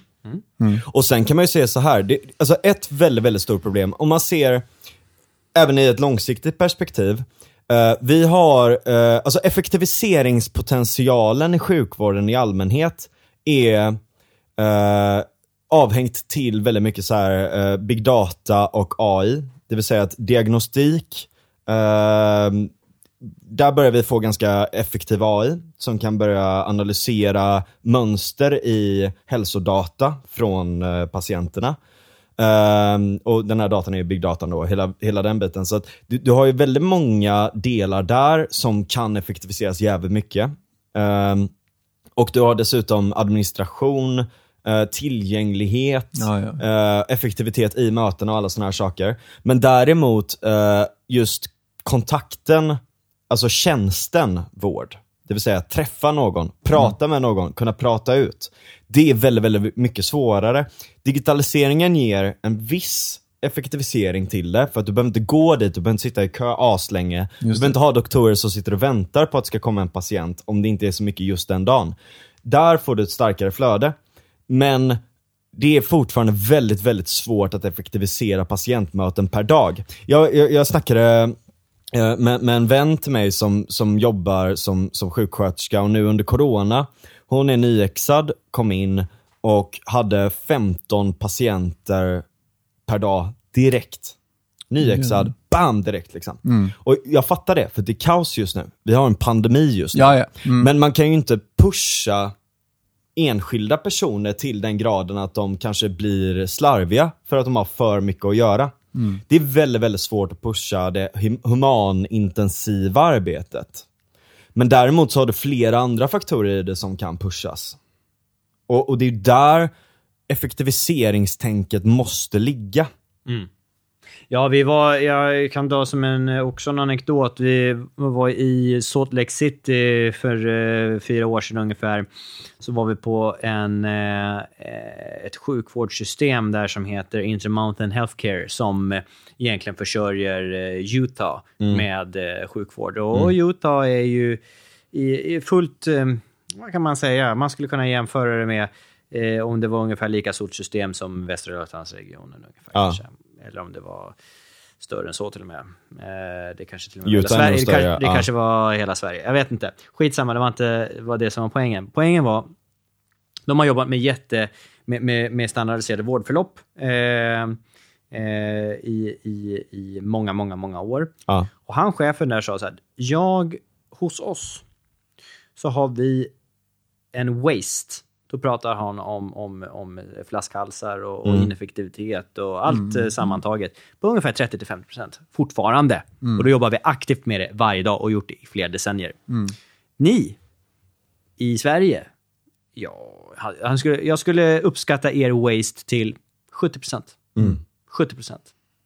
Åh fan. Så vad, vad, vad, vad, om man hade gjort det totalt optimalt Ja. med allting, då hade man kunnat kapa 70 procent. Det är Ungefär. ju sinnessjukt. Det var hans uppskattning ungefär. Och då hade Ja. han varit och, och, och, och liksom forskat och föreläst och, och, och jobbat en del i Sverige. Så att han var inte, det var inte taget Ja. direkt ur röven. Vad sa du att deras var igen? Vad sa du? Vad var deras 30 waste? till 50, eller? 30 till 50, Ja. okej, ja, ja. Något, något åt det hållet. Så. Och då ska man ju lägga till att, att visst, det- det finns ju en, en vilja att, att minska den wasten även här så att säga. Men det finns ju inte den här elden i arslet. Men nu börjar det ju komma in mer att det, vi får den elden i arslet. Ja. Alltså eftersom Alltså, det finns ju uppenbarligen en efterfrågan på vård i Sverige. Mm. Annars skulle det inte det här ens vara en fråga vi diskuterar överhuvudtaget. Då hade det inte börjat växt fram Mm. nej, privata visst. alternativ och så vidare.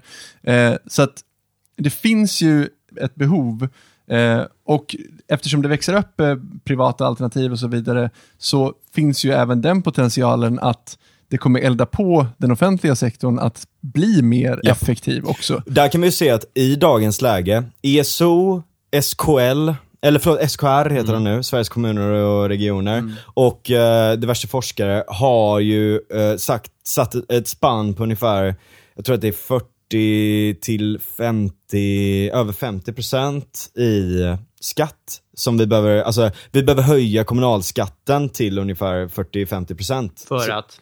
för att kunna täcka vårdbehoven, inte minst hos äldre då, alltså den åldrande befolkningen, Ja. över de närmaste decennierna. Ja. Svenskt Näringsliv har gjort Ja. rapporter på det här också, att det, liksom, vi börjar närma oss, som så att säga tangenterna riktar just nu i kostnaderna för eh, välfärden, Mm. så börjar vi närma oss en tangent som, som kommer att landa på extremt höga kostnader. Mm. Jag vet inte om de har viktat in utvecklingen i AI och Nej. så vidare. Oftast har de inte det. Nej. Vi har sett Och- likadana, likadana Ja. siffror i, i, hos oss. Så där har man gjort någon form av sån här, eh, liksom extrapolerat liksom, utvecklingen Ja. och, och utifrån dagens Men det är svårt läge. att mäta. Och- och- och det är jävligt det, svårt att mäta. Det blir ju det. Och, och då har de ju sagt, utifrån hur det är nu och om man bara drar fram streck, eh, liksom linjen så är det ungefär liksom här vi landar. Mm. Men de räknar ju inte med någon form av ekt- effektivisering eller förbättring Nej. någonstans. Och Men- det är därför men ganska precis. ointressanta... Men, liksom, men nej, det är inte ointressant för att så här, om vi fortsätter som idag, om vi inte effektiviserar, Mm. Men- om vi inte tillåter in, Nu, innovation nu kan vi ta upp befolkningsfrågan igen där, för det var ju exakt det argumentet. Vi pratade om eh, befolkningsfrågan i, i några avsnitt sen, just eh, när man gjorde en sån eh, kalkyl och beräknade att så här, om vi fortsätter i den takten att bli fler och fler människor på planeten. Jo, det är sant. så det, det, är sant. lite samma, Jo, samma men det, diskussion. Precis, det är svårt att mäta, men jag menar så här. Våra system är fortfarande stelbenta. Alltså marknaden som ger välstånd åt Ja, ja. människor, eh, om vi ser så här, typ välstånd kontra klimatavtryck, eh, går väldigt mycket bättre än vad vårdkostnaderna går i dagens läge. Också för att vi ställer högre krav, såklart. Men eh, vi har ju fortfarande en situation där vi kommer landa på helt orimligt höga nivåer som det ser ut just nu. Och det är en Eh, varningsklocka som man inte ska Det är ta en för lätt på. Absolut. jävla varningsklocka. Även om man kan räkna med att det kanske inte blir så illa. Men, men absolut, Ja. det är ju någonting man måste ta hänsyn till. Verkligen. Sen får man ju inte glömma heller liksom att om man, om man ser från en- ett re- regionperspektiv här då, så, så sker det ju idag eh, ganska omfattande omställningsarbeten inom regionen. eh, Lite av det som Frans säger för att möta de här delarna. För det är ju inte så att det här är okänd materia, utan det här vet man ju om. Och man liksom, måste ju liksom hantera på något sätt och vis. Ja. Så just nu så pågår det bland annat, eh, eh, vad kan man säga, projektet kallas för omställningen. Och det är, liksom, eh, och det är ju delvis att man ska få ut, så mycket, få- ut väldigt mycket mer saker från sjukhusen, ner på vårdcentralsnivå. Skitdyrt när saker är på sjukhus. Ja. måste ner på vårdcentralsnivå. Folk ska spendera mindre tid på sjukhus, mer tid i hemmet. Det, det är liksom monitorering, hembesök, eh, alla de där delarna. Eh, och eh, sen pratar vi också om eh, att men viss vård, eh, till exempel, behöver ju koncentreras. Ja. Det är ju så att man kan inte sitta och fila med och låsa in en, en, en öronoperationer till exempel. Låt säga det. Öronoperationer kanske inte vi ska göra på alla ställen i regionen. Nej. Utan man kanske ska fokusera på Precis. några noder Just där det. man har kompetensen. För att det är inte så jävla svårt att åka dit liksom. Nej, dels är det på men det är också ju samla kompetensen så. på några få platser och du kan göra det riktigt bra. Det handlar Ja. om att träning ger ju färdighet. Man får ju bara verkligen. göra några få ingrepp så kommer det bli sämre, kommer kvaliteten bli sämre och så Ja. vidare. och så vidare va? Att de sitter där och inte brukas för att det är fel, fel område så att de får inga patienter. Ja, men man måste ju få upp en patientvolym för att det ska bli kvalitetsförbättringar. Såklart. Eh, och eh, del, det är det andra delen. Så både att plocka av och lägga till, eller att centralisera vissa eh, åtgärder, Mm. men också det att eh, att det, det är ju, som vi pratade om tidigare, digitaliseringen. Ja. Vi håller ju på och rullar ut nu ett stort eh, nytt system som, ska, som är upphandlas med The Millennium Mm. av Cerner. Eh, som ska, idag har vi ju massa, det är väldigt eh, komplicerat med våra journalsystem och, och hur de inte pratar med varann och det är liksom dubbla, dubbla inrapporteringssystem eh, på o- olika håll. Och nu ska vi skaffa ett, ett system som ska vara för allt. Ja, det är bra. Eh, och att eh, det här är ju liksom en eh, miljardaffär. Ja, för det har varit ett problem innan att liksom, eh, jag, jag har ju märkt det också när man varit, jag bodde i Stockholm ett tag. Eh, och så såhär, ja men vi har inte din data. Nej, exakt. Ja. Och det är det som Vi- är vi har inte dina Och- journaler, liksom. Och det är det Ja. som är grejen att nu är det ju så att även om du är hos primärvården eller spe, speci- specialistpsykiatrin eller specialistvården, med det nya systemet så ska ju samma läkare där och där kunna se samma sak och göra notat och liknande och, och ha samma data. Va? Ja. Eh, Och så ska ju de privata aktörerna ha en option att då signa upp sig på de här delarna. Och det kan ju Ja. vara en fördel naturligtvis om du ska vara en del av Västra Götalandsregionens verksamhet Just och vara upphandlad att ha det här systemet då. Ja. För då kan ju även de se samma saker. Men, men också ha kanske en, en, en liten brygga till de som vill ta, eh, om, om du är på ett annat ställe som inte har just det systemet, att kunna skicka en förfrågan. Hej, vi har fått tillstånd från patient X att eh, ta del av era journalsystem. Gim, give me them, typ. Liksom, eller typ, fan, hur jävla svårt ska det vara liksom? Kan man inte bara få ge tillstånd för alla att samla, jag menar, med tanke på hur jävla mycket data som samlas om mig själv på tusen andra jävla fronter, men helt plötsligt när det kommer hälsodata som är kanske det viktigaste man har, för att det är det som gör att man överlever, ja, då är det skitsvårt. Då, då går det inte. Man kan inte ens ge liksom ens egen eh, eh, tillåtelse till folk att dela ens hälsodata. Liksom. Jo, du, du kan ju ge din tillåtelse inom sjukvården. Man kan det. Ja, för jag har haft det problemet innan, att jag bara säger, ja, men vad fan, frågar de om journalerna liksom? Nej, vi kan inte det, det funkar inte i våra system. Ja, men standardsvar då. Men det är klart att du, Ja. måste, ju, du måste ju kunna få ge ett godkännande. Låt, Ja. säga, låt säga så här, du är svårt sjuk. Ja. Du kommer in till sjukhus. Du är medvetslös. Hur ska de kunna då ta reda på din data om de inte får se din data?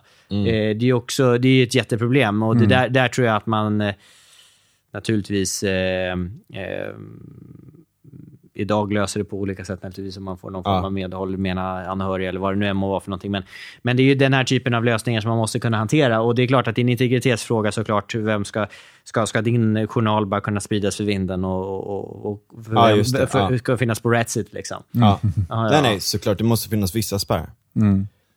Ja, men alltså om, om, vi, om vi tänker oss, du, du har ju pratat lite nu om så här system som kan vara mer generella. Eh, och att man kanske koncentrerar vård till vissa ställen och hela den biten och sådär. Eh, och, och där har ju väldigt många, eh, inte minst så här Ebba Busch och, eh, och andra, skrikit väldigt högt om, alltså inte minst nu när det krisar, att så här, ah, vi måste liksom dra i nödbromsen och förstatliga allting och ha det Eh, alltså inte förstatliga i att, all, att vi inte ska ha privat, privata aktörer, utan att, eh, så att säga, organiseringen av vården ska ske på en central statlig nivå. Och inte på Eh. regionerna, utan att det lyfts, lyfts på staten. Liksom. exakt. Eh, så, så vad tycker du om det? Ja, alltså det där, det där är en diskussion som är rätt intressant. Även Moderaterna tidigt eh, var ju, har ju alltid varit, varit länge emot landstingen när de fanns. Ja. Eh, Och, och då kan man ju, ställer man naturligtvis motfrågan, men var ska sjukvården då eh, liksom organiseras någonstans? Ja, då landar ju frågan, ja men varför, varför inte göra det statligt då, till Ja. exempel? Och nu har ju, har ju eh, Kristdemokraterna i, i ett parti i raden här då som, som tycker att nej men absolut, det, kan vi, det låter som en intressant idé. Eh, jag tror även eh, Sverigedemokraterna eh, har, har någonting skrivet om att de är intresserade av den idén. Men det hon gör här, Ebba Busch Thor, egentligen, hon gör en Jan Björklund helt enkelt. Man tycker att ja, men nu, nu funkar det inte på, på, på eh, den lokala nivån då, i hans fall skolan, och därför måste vi då förstatliga det för att det ska bli bättre. Eh, och, och i grunden varför de tycker detta, det är ju lite för att man dels tänker att ja, det är så spretigt ute i regionerna och vi får mer sammanhållen styrning från statens nivå och att det är mycket creddigare att vara anställd av staten än att vara anställd av, eh, av en lokal eh, arbetsgivare. Eh, men man gör ju ett huvudfel här också och huvudfelet är ju liksom att brukar jag peka på, vad har blivit bättre av att vi har förstatligat någonting någon gång? Du ställer frågan till fel personer. Ja, ja, men, ja precis. Jag, är mässa för redan frälsta. Nej, nej, men alltså ärligt talat måste man också ställa sig frågan, eh, vem... För i dagsläget är det så att politik, eller politiken styr regionerna. Eh, det finns ett fullmäktige som, som eh, i, i- högst upp då eh, ansvarar för sjukvården. Vi har ett ansvarsutkrävande egentligen. Vi kan alltid rösta bort våra sjukvårdspolitiker egentligen om vi inte vill ha dem. Men i, om, om vi nu skulle förstatliga sjukvården, eh, vem skulle vara ansvarig för sjukvården? Skulle det vara någon samordnare på Socialstyrelsen eller skulle det i slutändan vara eh, eh, sjukvårds, eh, eller sjukvårdsministern? Eh, och eh, ah, vi vet ju med oss att eh, man sparkar ju inte minister i onödan i det här landet. Så att det hade ju varit ganska svårt att Det ansvarsutkräva. är jävligt svårt uppenbarligen. Ja, ja. jävligt Trots svårt. gigantiska sk- skandaler liksom. Ja. Nej, så att, och, och jag tror att vad skulle staten ha för förmåga att kunna budgetsätta till exempel både Sollefteå sjukhus och eh, Kungälvs sjukhus? Vad- Hur ska de kunna göra bedömningen vad som exempelvis Ja. eh, är behovet på den eh, lokala eh, platsen? Jag skulle säga att den är noll och intet såklart. Och att det skulle lätt bli ett ganska stort Stockholmsfokus. Eh, och Stockholmsfokus menar inte med att vad är det som händer i Stockholm, utan det är för att det är ett gäng personer som bor i Stockholm som sitter på de här myndigheterna och styr. Och att då blir det ett ganska snävt perspektiv. Eh, och... Eh, jag tror inte heller att det hade blivit en billigare historia än vad det blir idag, utan jag tror faktiskt att eh, nu idag har vi eh, i huvudsak tre stora regioner. Vi har Stockholm, vi har Västra Götaland, vi har Skåne. De klarar sig oberoende av staten. De Ja. behöver inte staten. Sen har vi mindre eh, som eh, Region Jämtland eller Region Halland. Eh, Halland är ju ändå lite större, men vi har Kalmar och, och vi har Gävleborg och ja, you name it. Va? Det är många mindre eh, regioner eh, som har svårt att bära sig själva. De är totalt beroende av statens eh, bidrag som eh, statsbidrag. Ja. Eh, och det är ju de här regionerna problem som man då tror sig vilja lösa med ett förstatligande. De tre stora regionerna behöver ju inte det här. Och för att binda ihop säcken lite grann så skulle jag då vilja eh, återkoppla till eh, region, indelningskommitténs förslag. Och indelningskommittén då var eh, eh, två personer som hade tagit fram ett förslag om att man skulle inrätta storregioner. ja, just det. Och det var för att hantera det faktum att vi har mindre regioner som inte bär sig själva. Men om vi då skapar större regioner som har en större bärkraft och kunna hantera, eh, låt säga att man inte är tillräckligt många i, sin, i sitt skatteunderlag och, och man kan ha tillräckligt med resurser för att göra nödvändiga eh, investeringar. Då, eh, då, då, då kan man på något sätt också möta upp staten istället för att vara en, en undersåte till staten. Det, ja. Eh, och, och är man en region så har man också en direktväg in till EU. Ja, Eh, ja, ja. Och det har man is- istället för att gå via Stockholm. Då. Jaha, okej. Eh, Har man inte det idag? Jo, alla regioner som har... Nu, är ju, nu blev det lite bakvänt, va? Ja. För att nu har ju alla landsting blivit regioner. Ja. Och då har man ju också fått ett så kallat regionutvecklingsuppdrag och då har man övertagit viss, eh, eh, vissa uppgifter från, från eh, Länsstyrelsen och så, som jag förstått det. Och sen så har man en, en direkt väg in i regionsamarbetet i EU Ja. istället för att gå via staten. Eh, Ja, det är bra. Men, Eller är det men normalt bra? sett- men, men det blir tandlöst för att om man är Ja. för liten så har man ju ändå inga muskler. Så att mitt, jag har ju alltid tyckt att vi skulle ha de här större regionerna för att jag tror att det är bra som en motvikt mot staten. Ja. Eh, istället för att vi... Där mellan... eh, Mellan, mjölkiga, ja, men liksom. vi, vi har ju, med tanke på att vi inte kan liksom, vända upp och ner på vårt system idag, ha ett helt försäkringsbaserat privat system, Ja. så får vi jobba med vad vi har. Och ett bra steg är att, att vi förstärker regionerna eh, som en motpart mot staten. Ja. Eh, och jag tror att regionerna med sitt lokala parla- eller regionala parlament har en större förmåga att se de lokala eh, behoven än vad staten har. Just det. Ja. Men har vi något ansvarsutkrävande överhuvudtaget idag? Nej, men det där är grund, nu, nu ställer du grundfrågan eh, kring det politiska Sverige. Ja. Jag menar, ja, på sätt och vis kanske vi har ett... Eh, jag brukar, brukar säga så här, det är lite, lite eh, cyniskt kanske, men man kan aldrig, på den tiden fanns landsting då, man kan, ett parti kan aldrig vinna ett landstingsval, man kan bara förlora ett. Och det handlar i grund och botten om att sjukvården är svår som politisk domän för att eh, det, finns, det finns alltid utrymme för överbudspolitik. Det finns alltid, som i vårt fall, så har vi alltid Vänsterpartiet till exempel, eller Sverigedemokraterna för den delen, eh, som alltid kan ge mer. Man kan alltid De göra en behöver inte satsning stå till. till svars. Man behöver egentligen ja. aldrig stå till svars för någonting. Utan man, och, och det där syns ju också i rikspolitiken naturligtvis ibland. Men, men, men, men man kan alltid lova mer. Och det är klart att i, i, i ett område som sjukvården, där alla, nu går du på stan, tycker, ska, ska det satsas mer på sjukvården? Jajamän. Och det, Ja. är liksom, det får samma svar från höger till vänster. Va? Ja. Det är där man ska satsa. Högern säger så här, dra ner på de andra utgifterna och lägg Mm. Satsa det på, på sjukvården. sjukvården. Men- ja, och- och, vänster säger så här, mer pengar från de rika. Ja. Det finns alltid rika människor vi kan ta pengar från. M- Och det finns alltid någonstans att lägga pengarna på sjukvården. Men faktum är ju att, är det så, eller vi, vi har ju sett det eh, i Västra Götaland till exempel, att även fast vi, vi har ju styrt sen i början, eh, årsskiftet eh, 14-15, eller sen valet 14 blir det egentligen.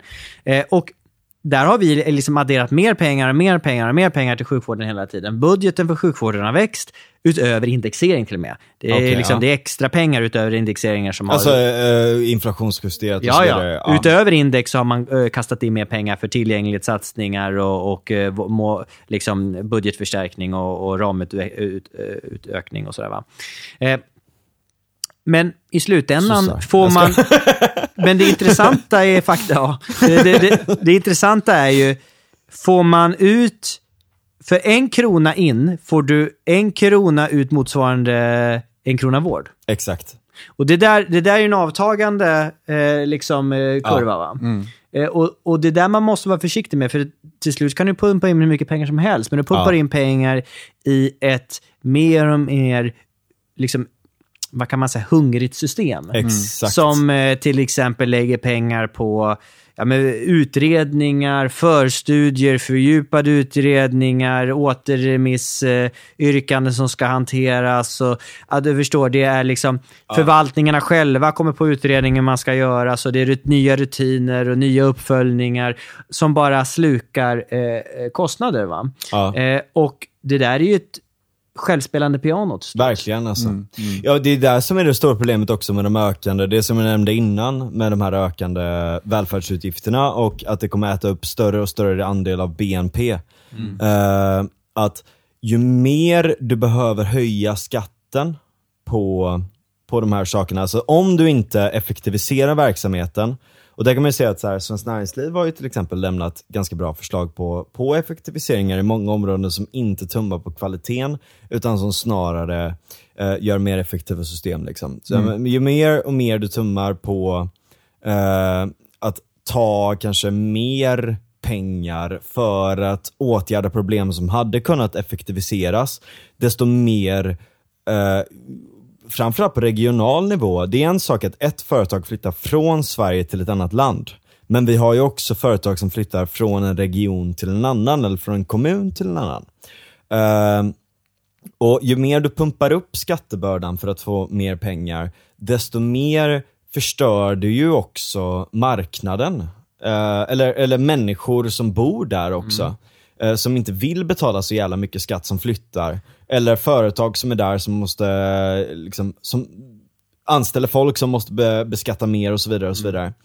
Eh, till den graden att antingen så flyttar man region eller så kanske man till och med flyttar från Sverige om alla gör det samtidigt och höjer extremt mycket.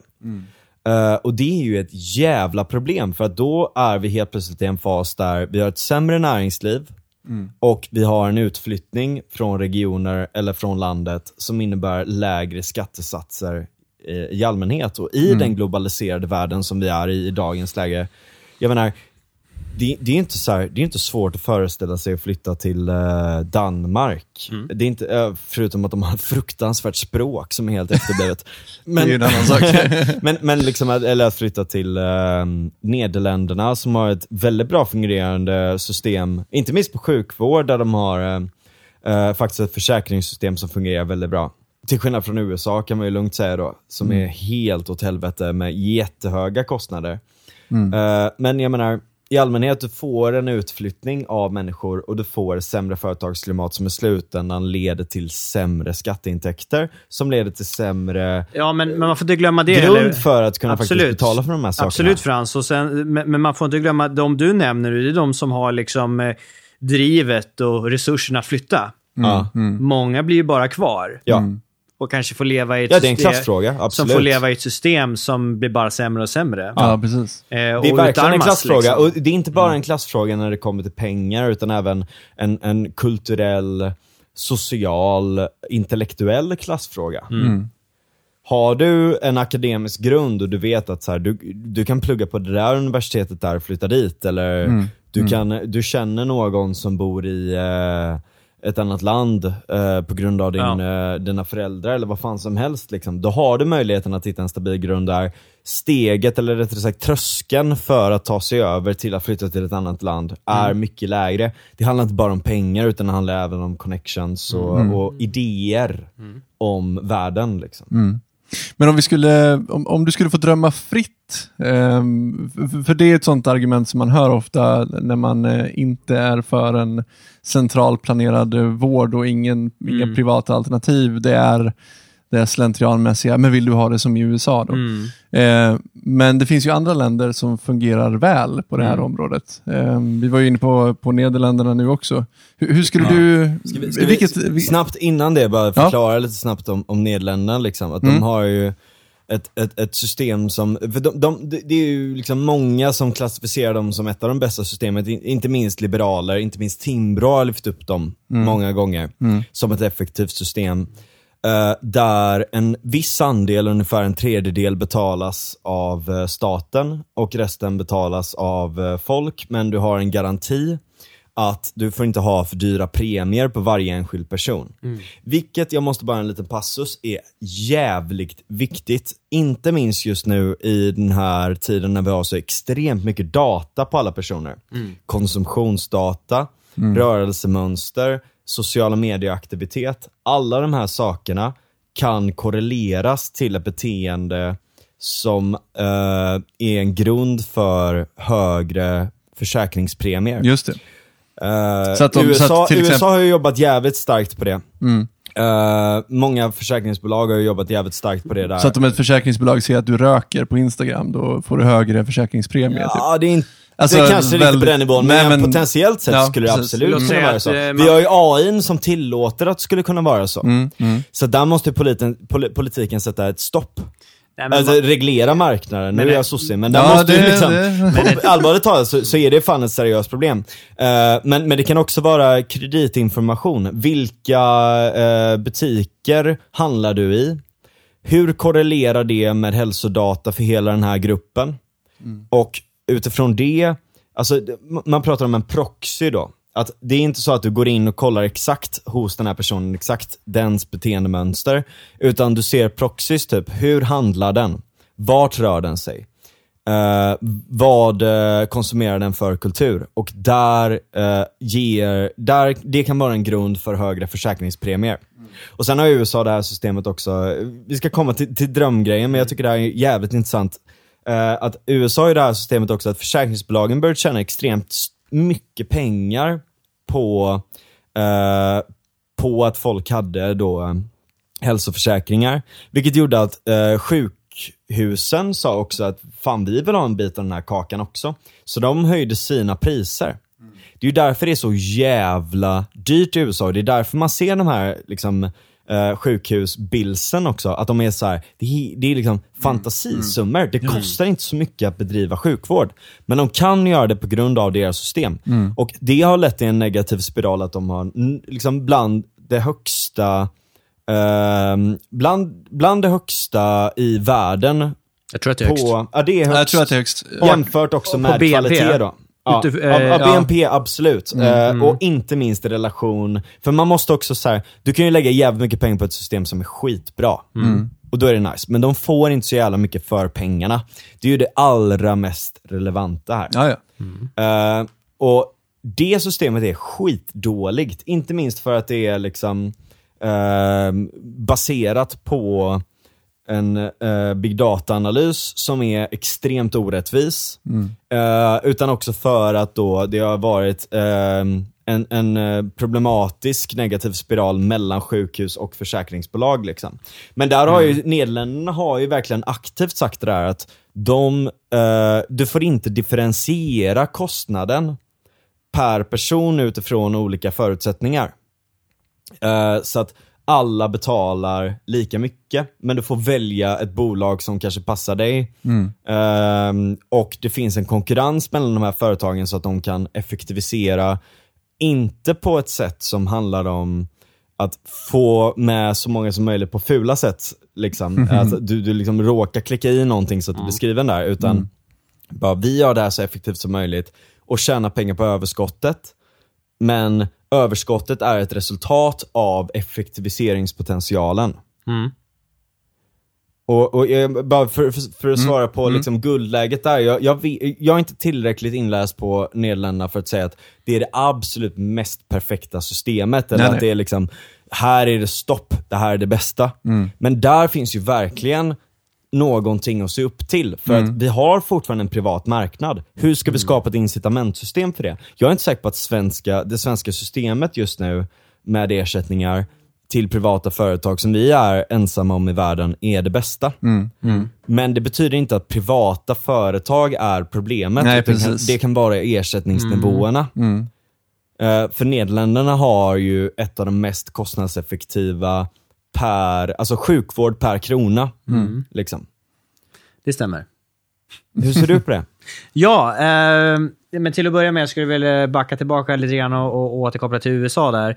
Eh, alltså, om man ska ta ner det där lite grann. Nu pratar du om big data och proxy och så vidare. Va? Och jag menar, alltså ett stort problem man har är ju det här som, prat, som är en ganska stor del av debatten nu och det är den här pre-existing condition. Alltså låt säga Ja. att du som barn hade leukemi. Och, och det kommer följa med dig hela ditt liv, trots Ja. att du är kärnfrisk nu.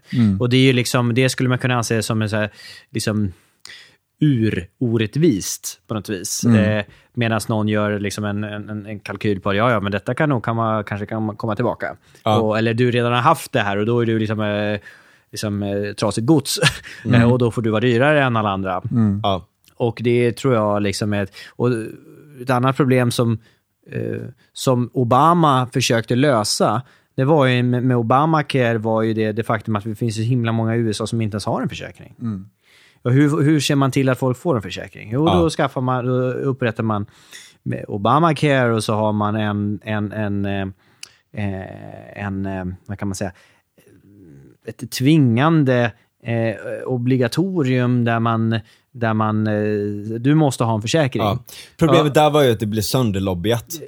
Så För, jag- för de här Ja, ja, ja, det var det jag ska komma till. Ja, och poängen var ju där då att... Eh, poängen var där att den här böten man skulle betala för om man inte då skaffade en, Ja. en, en, en, en sån här eh, försäkring, den var ju, det var ju så pass låg att många unga personer då kände, nej men vad fan, sitta och betala, det, jag känner mer på att betala den här böten än att sitta och, betala varje månad på den här för, för, försäkringen. Ja. Eh, och jag är ju ung och frisk och jag, och jag behöver ju inte det här. Men problemet var att systemet byggde ju på i grund och botten att du måste ha en massa friska människor som betalar och inte nyttjar vården för att de sjuka sen ska kunna nyttja vården. det är så det. funkar va? Medan vi betalar vår landstings eller regionskatt eh, och inte nyttjar vården så kommer det vara för att eh, en liten grupp som behöver nyttja vården. Så, eh, i stora drag. Eh, och sen så tog man ju nu, jag tror att det var Trump-administrationen, tog bort det här obligatoriet igen. Eh, för att man ska, ingen ska tvinga dig till någonting. Ja, klassiskt? Eh, eh, men, men faktum var att det var en god idé att det inte dräller runt massa människor som inte har någon försäkring och, eh, och sen bara ramlar in på akuten och, och, och sen får betala, liksom, går i personlig konkurs. för att man hamnar på akuten och sen får ligga på sjukhus några dagar. Ja, det är helt Folk sjukt. som väljer bort, så här, ska vi ringa en ambulans? Nej för fan, liksom, jag har inte råd. det är ju sant. ja, ja, ja, Ja, det ja. är det som är det sjukaste. Ja. Det, vad, vad fan är det för civiliserat jävla land som har det så? Och det handlar i grund och botten om att det är en federation där, som, som där varenda stat eh, för sig ska ha sina system. Ja. Eh, och eh, återkoppla igen till, till eh, Nederländerna, så, så satt, eh, satt jag mig in lite i det där och min, eh, min bättre hälft, min flickvän eh, Varda, hon eh, var ju eh, Duktig politiker också. duktig politiker och hon eh, skrev en rapport här för Timbro just kring det här eh, ämnet. Ja. Eh, om, eh, om egenfinansiering och, och så eh, undersökte de närmare eh, Nederländerna och Schweiz Ja. som, som eh, ett alternativt system till vad vi har i Sverige. Och det är ju, rätt, det är ju intressant ju så tillvida liksom att de har ju jag menar, både, både Schweiz och, och eh, Nederländerna har ju ett fundamentalt annat system än vad vi har. Men det är ju inte så att de har fundamentalt eh, liksom eh, sämre resultat. Vilket man kan tycka i den svenska debatten, att när man Ja. föreslår detta då det, så föreslår du död och förintelse åt eh, den svenska befolkningen. Och att fattiga människor ska tacka nej till ambulans. Ja, liksom. vill du ha det som i USA? Ja. Nej. Det, och, det är liksom, och det är det här som blir så falskt någonstans. Att, eh, det finns någonting som inte är USA men inte behöver vara Sverige. Mm, Och eh, där är ju faktiskt både eh, Schweiz och eh, Nederländerna, och för den delen också Tyskland, ett väldigt gott eh, exempel på det. Och i grund och botten handlar det om att, att det finns ju, om man ska gå ner i teorin, så är det uppdelat på ett single payer-system och ett liksom Bismarck-system. Bi- Single payer-systemet är när man har en utbetalare, det vill säga det offentliga hos oss, eller likadant som NHS i, i, i Storbritannien. Man kan säga så här, eh, ta en sak som eh, cancervård till exempel. Det är jävligt svårt att, eh, för de enskilda personerna som får det, att betala hela systemet som krävs runt cancervården. Men alla har fortfarande en risk att få cancer. Och därför så är det bra att centralisera det till ett single payer system. Ja. Ja, verkligen. Ja, Men alltså, det, det, finns ju, det, finns ju i, det finns ju stordriftsfördelar. Exakt. Och, men alltså, man får inte glömma att många gånger eh, eh, single payer-systemen har ju ofta en mer... Eh, det är lätt, lättare att vara kostnadseffektiv för det är en aktör som håller i kostnaden. Istället för att det är flera försäkringssystem till exempel, eller ett försäkring och flera försäkringsbolag, då är det svårare att kontrollera utflödet av pengar. Men de får ju kanske till och med mer vård gjort i rättan tid, i, eller i rätt tid, en högre tillgänglighet. Mm. Medan vi kanske skapar köer. Eh, Där folk får vänta, vi har haft sådana fall där folk har väntat Mm. till en grad att cancern har växt till en så problematisk nivå att det inte går att behandla. Ja, ja. Ja, det finns ju absolut de, de, de, de exemplen. Se- Sen, har vi ju, sen jobbar ju regionerna med, liksom, som kallade standardiserade vårdförlopp, att visar du XA liksom, symptom så är det rätt in i det här äh, vårdlinjen liksom, och då ska du ha de här proverna. Ja, ja, ja. Och så liksom får Mamma du... hade ju bröstcancer Ja. och det gick jävligt bra. Och det Och gick jag är så, det gick skitfort och jag är så jävla tacksam för det. Jäklar. Ja. Man, brukar ju säga, man brukar ju säga det att när det, när det gäller väldigt allvarliga saker go- så är det, är det, är, är det, det svenska systemet väldigt, väldigt bra. Ja. Alltså vi levererar väldigt bra på väldigt avancerade saker. Mm. Men det är ofta den här primärvårdsnivån. Du vet att du kommer in med liksom ett ont knä eller du har liksom haft huvudvärk det. i många dagar eller Ja. någonstans att du behöver träffa läkaren. Ont i magen. Så. Mm. Där är vi dåliga. Ja. Det, det är liksom, och det är där det är svårt att liksom ganska snabbt få ett läkarbesök utan att krångla så mycket. Eh, Mm. Ja. Det är ju inte så att du bara lallar in på närhälsan Majorna här och ja, men hej, Frans heter jag. Skulle jag kunna få träffa en läkare och lite ont i magen? Jag har sett det här och så tre timmar senare kanske få träffa en läkare. Ja. Alltså på sin höjd. Alltså, Nej, nej visst. Men- Jag, jag har sånt minne liksom när jag sitter. Jag har dragit min axel ur led. Jag har gjort det fyra gånger Ah, totalt. just det. Du har gjort ja. det så många gånger. Ja, två, två gånger skateolycka, en gång i Alperna, jag var tvungen att sitta en halvtimme i backen och sådär. Gjorde du inte det i våras? Nu? Ja, så gjorde jag i våras också. Ja, Fruktansvärt. Eh, det, det är något av det mest, alltså att sitta och hålla sin arm för att den inte sitter på plats medan det är liksom hela din kropp bara skriker, någonting är fel, det gör ont. Det är fruktansvärt. Eh, men jag kommer ihåg, eh, andra gången jag gjorde det då, du vet, då sitter man så här. Jag, jag åkte till Salgrenska och så, och så satt jag där på akuta, eh, liksom akutmottagningen så här. och så var det nästan, det var nästan som att man, man, man hörde så här hissmusik. Så här retligt liksom. och jag sitter där bara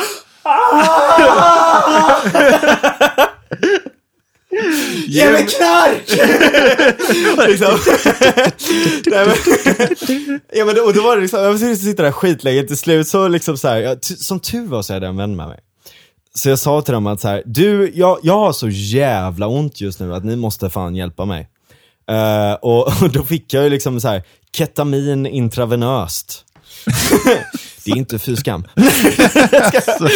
är det typ hästpiller eller? Ja, eh, horse tranquilizers, disassociativt. Eh, och, och, och morfin och allt möjligt liksom. Så, här. Och sen så satte de med en jävla taxi.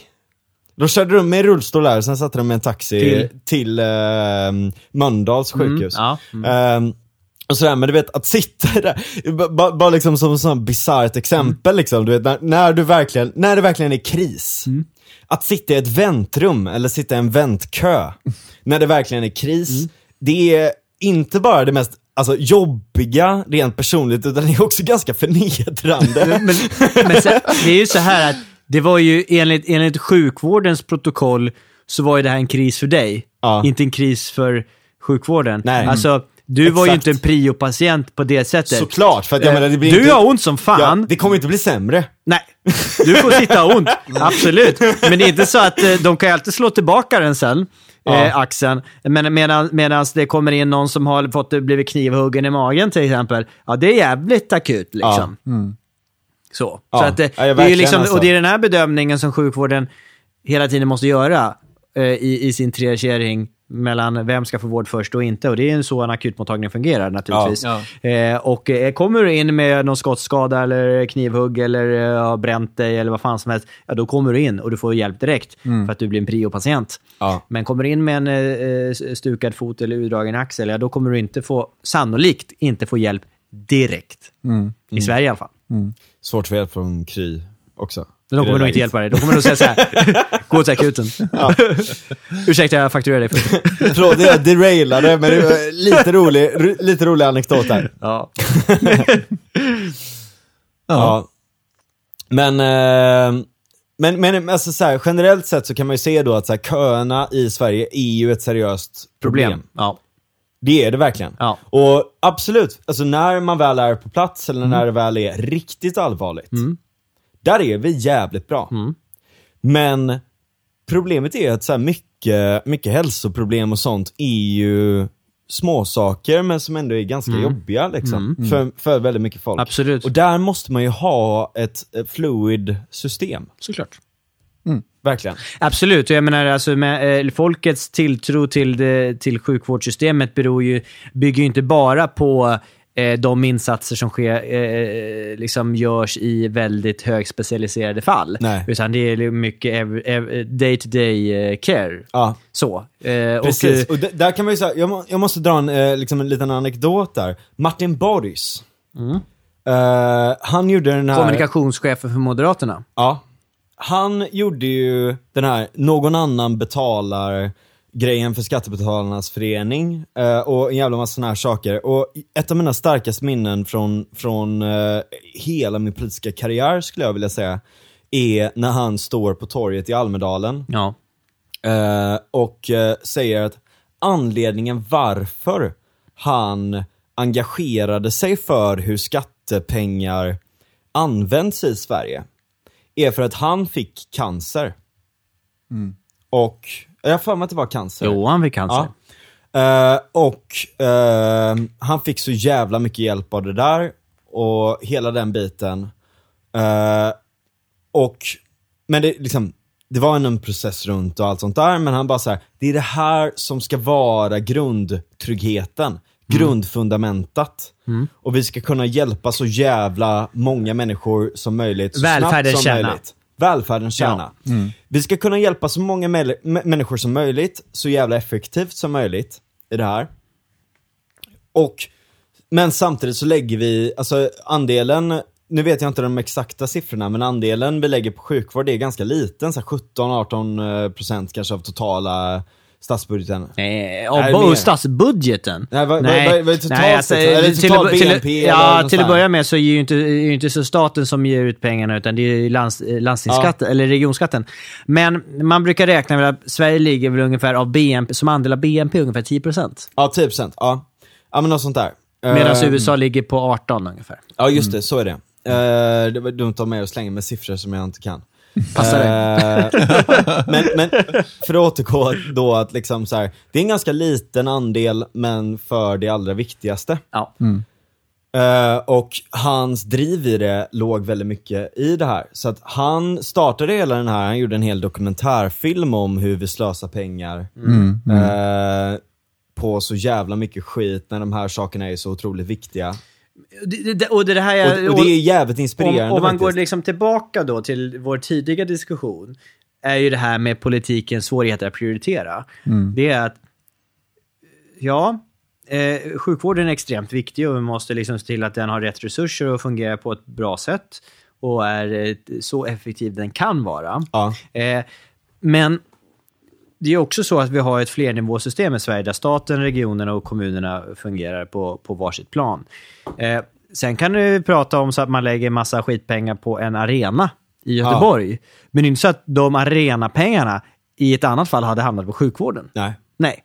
Utan, och, och det är det här också så att eh, det svåra när man ska på något vis gå ut och prata med folk på gatan.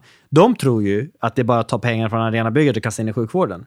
Eller ta pengarna från försvarsbudgeten och, och, och kasta in på äldreboendet. Ja. Alltså det är inte så det fungerar i, i, i pra- praktiken. Och det är det som gör det så ganska komplext att att även om vi skulle ta 50 miljoner från Folkteatern eh, i Västra Götalandsregionen Mm. och tänka ja, ja, nu satsar vi på sjukvården. Ja. Ja, och kasta in 50 miljoner. Det är som pissa i Mississippi va? Ja, ja, det är ingenting. Det, är bara- låter mycket, men det är ju ingenting. det är liksom ja. ingenting. Det är liksom felräkningspengar. Ja. Men där är också så jävla, det, är- det är ju ett seriöst, alltså om man, om man snackar så här public choice och sånt där. Alltså hur eh, politiker agerar för att få röster ur ett kommunikativt perspektiv. Eh, Det vill säga att man, man, man lägger fram politiska förslag, inte för att de är effektiva, utan för att man tror att det kommer att leda till the public choice. Att de väljer på en. Eller att de väljer en. Eh, där är ju ett sånt jävla problem att folk har ju inte en sån jävla bra insyn i hur otroligt stora budgetar man har. Eh, och så därför kan man ju säga att så här, vi satsar eh, flera miljoner på det här nu. Ja. Ja, det låter mycket. Liksom. 100 miljoner, oh jävlar liksom. Men det är fan inte så jävla mycket. Men det är därför det inte spelar, det spelar ingen roll hur mycket pengar du... Låt säga att du ska skriva, göra ett politiskt utspel. Ja. Det spelar ingen roll hur mycket pengar det politiska utspelet handlar om. Det handlar om vad det politiska budskapet innehåller. För låt säga att ja, ja, nu satsar vi tre miljoner kronor på att eh, göra det här. Ja. Och om det här är tillräckligt intressant så kommer alla medier snappa upp det och tycka att det här är... Och folk bara oh, wow! Så här. Men Ja. det där tre, tre miljoner hade lika kunnat vara 300 miljoner och kunnat vara någonting annat. Eh, och inte ens blivit uppsnappat av media för att det inte är tillräckligt nyhetsintressant. Nej. För att ofta, oftast är det så att ja, men nu, nu satsar vi 100 miljoner kronor för förbättrad tillgänglighet till psykiatrin. Ja, kommer det uppmärksammas så mycket av media? Mm. Eh, Nej, för att de kan inte konkretisera det. Nej. Hur ska de kunna, hur ska de kunna på en, en, en eh, liksom tusen tecken kunna eh, sammanfatta det här på ett vettigt sätt? Ett, att de ska vara insatta nog och sen ska de skriva om det. Eh, det kommer ju inte hända. Men Nej. om vi satsar eh, 10 miljoner på att bygga ett, eh, ett nytt hus, ja, nog fan kommer de eh, Ja. Eh, skriva om det. exakt. För att det är lättare och, och det, är, det är det som gör det så Och svårt. i slutändan så är det ingen som tar ansvar för vi har inget tjänstemannaansvar. Nej, det har vi inte heller. Ja. Man sparkar inte folk heller. Nej. Man, det, är liksom, det, det, Precis, så att, jag menar du kan slänga, så, så länge det låter bra i, Mm. i headlinesen, så länge det låter bra i media eller på Twitter eller vad fan som helst, Mm. Så, så kommer det inte vara någon som i, i slutändan tar ansvar för besluten om det gått åt helvete, om det är en dålig satsning. Ja. ja, men sen är det ju så att eh, det, det är Göteborgs stad till exempel, där har vi ju eh, eh, där har vi livstidsanställningar mer eller mindre. Eh, vilket innebär att eh, jag menar, bara så länge du inte begår brott. Va? Har vi det fortfarande? Ja, ja. Och vilket, vilket Demokraterna röstade för. Ja. Att vi skulle behålla. Oj. Mm. Så populistiska var de. Oj jävlar. Ja. Eh, Berä, berätta det kort för, för lyssnarna som inte har koll på det här. Att, jo, att i Göteborg så är det ju så att eh, man har liksom, vi har ju lagstiftning kring hur, vilka skydd man som enskild har gentemot sin arbetsgivare. Men i Göteborg har man ett särskilt skydd, vilket gör att man gör det ännu svårare att bli av med sitt jobb.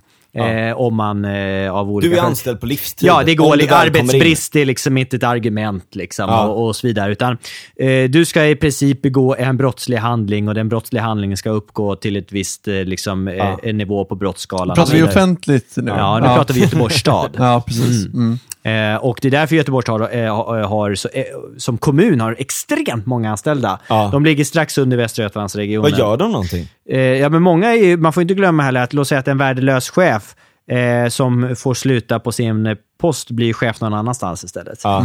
Och ibland så lägger kommunen flera hundra miljoner kronor på att köpa ut folk. Ja. Det kan man göra. Men, men, Flera hundra miljoner?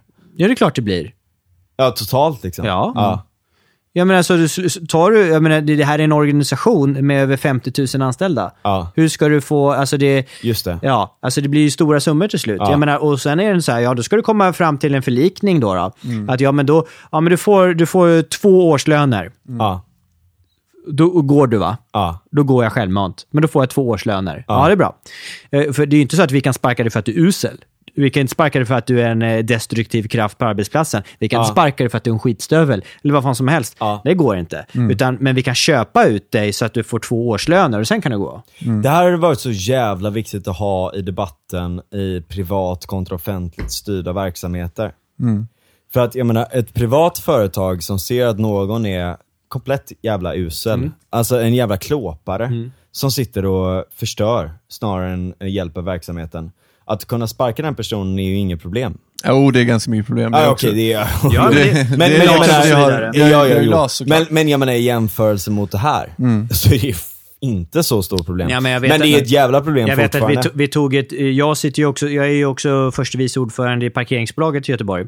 Ja. Eh, och eh, där hade vi ett stort problem med vår förra VD som hade begått eh, liksom, eh, en felaktighet kan man säga. Där man tagit in dyra konsulter, eh, gå- f- liksom rundat eh, upphandlingsreg- upphandlingsregler och massa andra delar. Och eh, tagit in eh, amerikansk, en eh, amerikansk coach som hade flugit in från... Just det. eh, Ja, som hade, det var ju Oprah det. Winfreys coach också. Eh, Det var... Herregud! Ja, det var... Det, det var Storhetsvansinnet. Men det är ändå så här, en, en eloge för, för liksom effort får man ju ändå... Ja men en eloge, en eloge också för hans självförtroende. Ja, det är det jag det, var, det, var hon, det var en hon. Hon, ja. Oh, ännu bättre. Ja. Ja. Hon... Ja, men, jag, jag, ja. Man kan ju nästan tänka sig att en snubbe skulle göra det. Ja, alltså det Men låter att ju en så. kvinna Ja, men får inte glömma, man, man får inte glömma liksom att så här, tänk dig detta, du är en VD på ett eh, kommunalt bolag, men du är också VD för ett ganska litet kommunalt bolag. Eh, men du umgås med andra personer som befinner dig i, i samma sociala ställning som dig själv. Det är klart att du kommer vilja toppa Liksom, liksom, Du är relativt fattig. Ja, ja. Relativt, ja men även om du har 100 000 i månaden så är du relativt fattig. Ja, exakt, Du, känner- du umgås ju bara med personer som är mycket mer framgångsrika än dig själv. Eh, och sen så kommer du vilja toppa din, din liksom tillvaro med lite extra. Till exempel att medlemskap i liksom en social klubb där, där man träffas och har yoga och luncher och så vidare med andra framgångsrika ledarskapskvinnor. Eh, och den här kostnaden för 20 000 om året, ska du ta den själv? Nej, den lägger du på parkeringsbolaget naturligtvis. Sådana här dåliga, galna grejer. Va? Och sen så har du den här konsulten eh, tar in dina liksom... Eh, För företagen får ju dra av på det. ja, Ja. men inte hon. Nej, precis. Nej, nej, men alltså sådana här delar. Eh, och hon, det blev ju liksom, sen var det något halvt skräckvälde som man höll på med där. Eh, och, eh, och folk satte sig i frysboxar och folk skulle favoriseras och är allt vad det alltså. eh, Och eh, då så sa vi upp henne. Eh, och, men det är en skillnad också så här, när vi säger upp henne så aktiveras ju hennes uppsägningstid och eh, hennes vd-avtal. Ja. Eh, och vd-avtal är inte som vilken anställd som helst. Det är ett vd-avtal för att du ska liksom kunna landa mjukt. Så här, för att du kan, ska ta tuffa beslut, men ändå Ja. kunna åka ut. Just det. Ja. Eh, men sen så, den här rapporten då som togs fram eh, av ett eh, liksom revisionsbolag visar ju på ganska grava eh, felaktigheter. Ja. Och då i, i, eh, skrev vi till verket till styrelsen och faktiskt avskedade henne. Eh, eh, och en, ett avsked är inte en uppsägning. Jaha, ett avsked, då, då tar vi bort alla, alla fallskärmar. Okej. Och det är väldigt ovanligt i Göteborgs stad. Utan Ja, det det händer ju typ aldrig. Och då skulle hon, hon rent teoretiskt, då kunde hon gå vidare rent rättsligt och pröva det här. Mm. Men eh, det visade ju sen sig att eh, det var hon inte beredd att göra. Nej, För hon, det fanns ännu mer nej, antagligen. men det, jag menar för att hon såg att hennes belägenhet inte var så bra. Och om hon hade förlorat så hade hon behövt ta alla kostnader själv. ja. Alltså i rättegång. ja, Ja, precis, precis. Och, det, och men då, då, då, nu stå, så fick hon liksom inga pengar alls. Hon hade 18 månaders full lön. Nu fick hon inget. Ja. Och det är ju lite... det är- Men där är också, jag menar vad fan, om, om du har kommit upp till en sån position, alltså jag menar även så här avgångsvederlag och hela den biten, jag menar, har du tagit upp till en sån hög nivå, då borde du väl för fan kunna skaffa dig ett annat jobb efter det. Ja, men glöm Ja. inte... Glöm men, inte men det är viktigt å andra sidan så här, alltså om, det är viktigt att folk ska kunna ta svåra beslut. Ja. Och, och, och kunna landa efter det. Ja. Absolut. Och, och kanske inte gå direkt till typ en så här lobbyistfirma eller direkt till LO eller en- alltså den, alltså här, den privata sektorns lobbyism Mm. eller den så att säga sosse-lobbyismen direkt efter det liksom. Mm. Eh, så jag menar absolut, det finns en, en bra inkubator, eller en bra idé om inkubatorstid på sätt och vis. Liksom. Mm. Men det är klart det är svårt, eh, men eh, man får inte... Eller vad heter det? Heter det inkubator? Nej, Eller, karens- det heter det verkligen karenstid. inte. Karenstid. Ja, det är man, får inte, menar. man får inte Ja. glömma här liksom att när, om man söker på hennes namn på Google så kommer det ju komma upp massa skit. Ja. Och det är klart att en framtida arbetsgivare kommer ju se allt detta. Ja. Eh, Och det kommer ju inte gynna henne framgent. Nej, såklart. Och det är klart att hon... Men ta inte de här jävla dåliga besluten. Nej, exakt. du vet Från- från första början. Ja, men, det är en sak om du tar ett, eh, ett beslut som så här, givet all den informationen jag hade, Mm. så var det här ett eh, risky beslut, men jag trodde att det var värt att göra. Men jag tror att det Det stavar... är någonting som företag bara så här: okej men du vet så här, vi kan, vi kan liksom ha råd att uh, förlora lite pengar om någon tar ett risky beslut, för att ibland så kan det också leda till jävligt bra pengar. Men om det verkligen är så här: du har använt det här som din egna lilla jävla lekplats. Ja, men jag Då tror- så. Ja, men jag tror att det också stavas eh, fartblindhet. Alltså, Ja. får inte glömma heller att man har varit, hon har varit vd i nästan ett decennium och eh, eh, en av de längst sittande vdarna i Göteborgs stad. Och Ja. eh, det är klart att, eh, att då eh, så kanske man känner sig, eh, sig själv entitled till Ja, vissa saker och att man är eh, större, man tror att man har, är större än vad man är. Ja. Eh, och eh, i och med det så tror jag att man får en skev verklighetsuppfattning och Ja. man kan också eh, kosta på sig vissa saker. Eh, till exempel som att hon kanske inte tyckte alls att det var konstigt att anlita de här konsulterna för de här eh, tjänsterna. Liksom. Mm. Och, och eh, sen att det visade sig att den ena konsulten hade fakturerat eh, på tre år 7,5 miljon kronor eh, själv. Ja. Eh, alltså, ni Av kan ju rä- era skattepengar. ni, ni, kan ju, ni kan ju räkna liksom, den årslönen för den personen. Jag menar, de, till slut så tror jag att man fatt, tappar fattningen om Ja. vad som är rimligt och orimligt. Eh, och eh, det kan nog hända de flesta. I näringslivet åker de ju dit så tjongar om det också, Ja. om de åker dit. Jo, verkligen. Men, men jag tror att eh, de eh, fler borde granskas i offentlig sektor. Ja, verkligen. Eh, man- Tycker du vi ska införa tjänstemannaansvar? Ja, på sätt och vis. Så det där är en ganska svår debatt. Det är klart att det är klart att det det är frågan var ska det ligga någonstans? Alltså, Ja. Det är frågan, ska det ligga på den enskilda handläggaren på till exempel Försäkringskassan? Eller ska det... För, för ena, ena, ena vågskålen är att ja, men då kanske de eh, liksom, eh, tar sig samman och fattar ett vettigt beslut. Å ena sidan kan det ju skapa en oerhörd ängslighet. Ja. En oerhörd ängslighet. Att man så inte kan kommer bli till... improduktiv ja. Ja, ja, ja. Eh, och att jag menar, så fattar jag fel beslut här, då kan jag bli ju fan åtalad och hamna i fängelse. Och vågar ju för fan inte göra någonting. Liksom. Nej, då sant, blir man extremt fyrkantig kanske. Ja. Jag vet inte. Alltså det, är- det är liksom båda delarna. va? Eh, På samma sätt som man behöver ett bra incitamentsystem för privata aktörer i välfärden, så behöver man ett bra incitamentsystem för de som arbetar inom offentlig sektor. Ja, men absolut. Jag menar, alltså, man får inte glömma heller. Jag mm, kollegor som jobbar i offentlig sektor som, eh, som, som opolitiska tjänstemän. Liksom. Jag menar, det är ju inte så att det är inte så att produktionskraven de har är jättehöga. Nej. Jag menar, där... eh, Det, det, och, det är ju liksom, ibland kan man ju undra liksom så här vad... eh, Alltså, eh, hur, hur seriöst är det egentligen? Eh, men, men, men eh, ja, ehm, jag vet inte. Jag är, jag är delad i den frågan om tjänstemannaansvar. Alltså jag gillar ju det i teorin. Ja. Sen tror jag att det också för med sig nackdelar i att man kan skapa en ganska ängslig organisation. Och det är nog, men någon måste ju kunna ställas till svars. Ja, Eh, problemet är så att ingen ställs till svars. Eh, inte ens Någonsin. generaldirektören. Inte ens ministrar. Nej. Alltså, Ja. och det är det så här, jag kräver kanske inte att den enskilda handläggaren Nej. alltid ska ställas till svars. Eh, Nej men det är Men, precis, det är eh, bättre att lägga det på en högre nivå. Jag menar, och då har kommer du en den- så Mm. jävla hög lön, för de har ju ganska bra betalt. Har du en så jävla hög lön, då ska du ha koll på din verksamhet. Då Det menar de så här, jag kan inte ha koll på varenda det handläggare. opaque, Alltså transparensen ska ligga på de som ansvarar för enheterna. Ja, men då blir det också så här, men då kan ju, ja, men jag kan inte ansvara för vad ha- handläggare Y Ja, det. gör Ja, för det är någonting. Hur ska jag veta det? Ska jag förlora mitt jobb för den gjorde ett dåligt beslut? Och då hamnar man i den här det. snurran och, så, och så handlar man ju där att ingen tar ansvar i Ja. slutändan.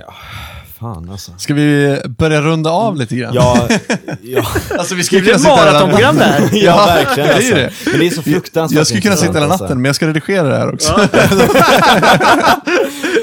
Ja, men Kör råkopia bara. vi, Ja, vi, vi kan väl avsluta med devisen att eh, vi behöver bättre incitamentsystem i den offentliga sektorn. Mm. Och det är fan inte en jävla lätt fråga, men det behövs. Jag ska säga det också som en liten avslutning också, att när vi, jag pratade tidigare om det här besöket i Salt Lake City på Intermountain och han sa det eh, att Intermountain är ju ett eh, eh, non-profit eh, eh, en non-profit organisation. Men han sa Ja. det att även om vi är en non-profit organisation så måste vi verka och förhålla oss till som om vi vore en, en, en eh, for, for profit organisation för att vi ska kunna fungera på ett vettigt sätt. Ja. Fan, det är där jag skulle vilja ta upp New Public Management. Ah, fan. Vi tar det i, i, i nästa förvaltningspodden. Ja, precis. Ja, men du får ju komma tillbaka hit. Alltså. Ja. För vi har mer att prata om märker Får, jag. får jag bara säga så här, kort, kort grej om New Public Management. Ja. Idén om New Public Management är ju inte dålig i sig. Vi hade såna jävla skenande kostnader innan man bara Det var helt sjukt faktiskt. Ja, det, är så här, det, det liksom ökade typ nästan exponentiellt med välfärdskostnader. Eh, tills man bara såhär, okej, vi behöver ha några kontroller på hur management fungerar.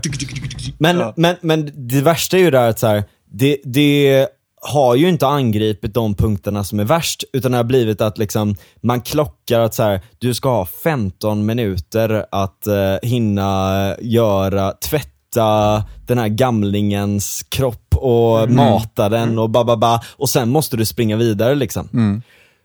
Alltså, Det vill man ju komma ifrån. ja, verkligen liksom. Eh, Men vi vill också kunna mota det dåliga som man försökte förhindra eller möta Precis. tidigare. Eh, vi, vi kanske behöver en new, new public management. Jävligt Post- innovativt. Post public management. Post New Public Management. Ja, exakt.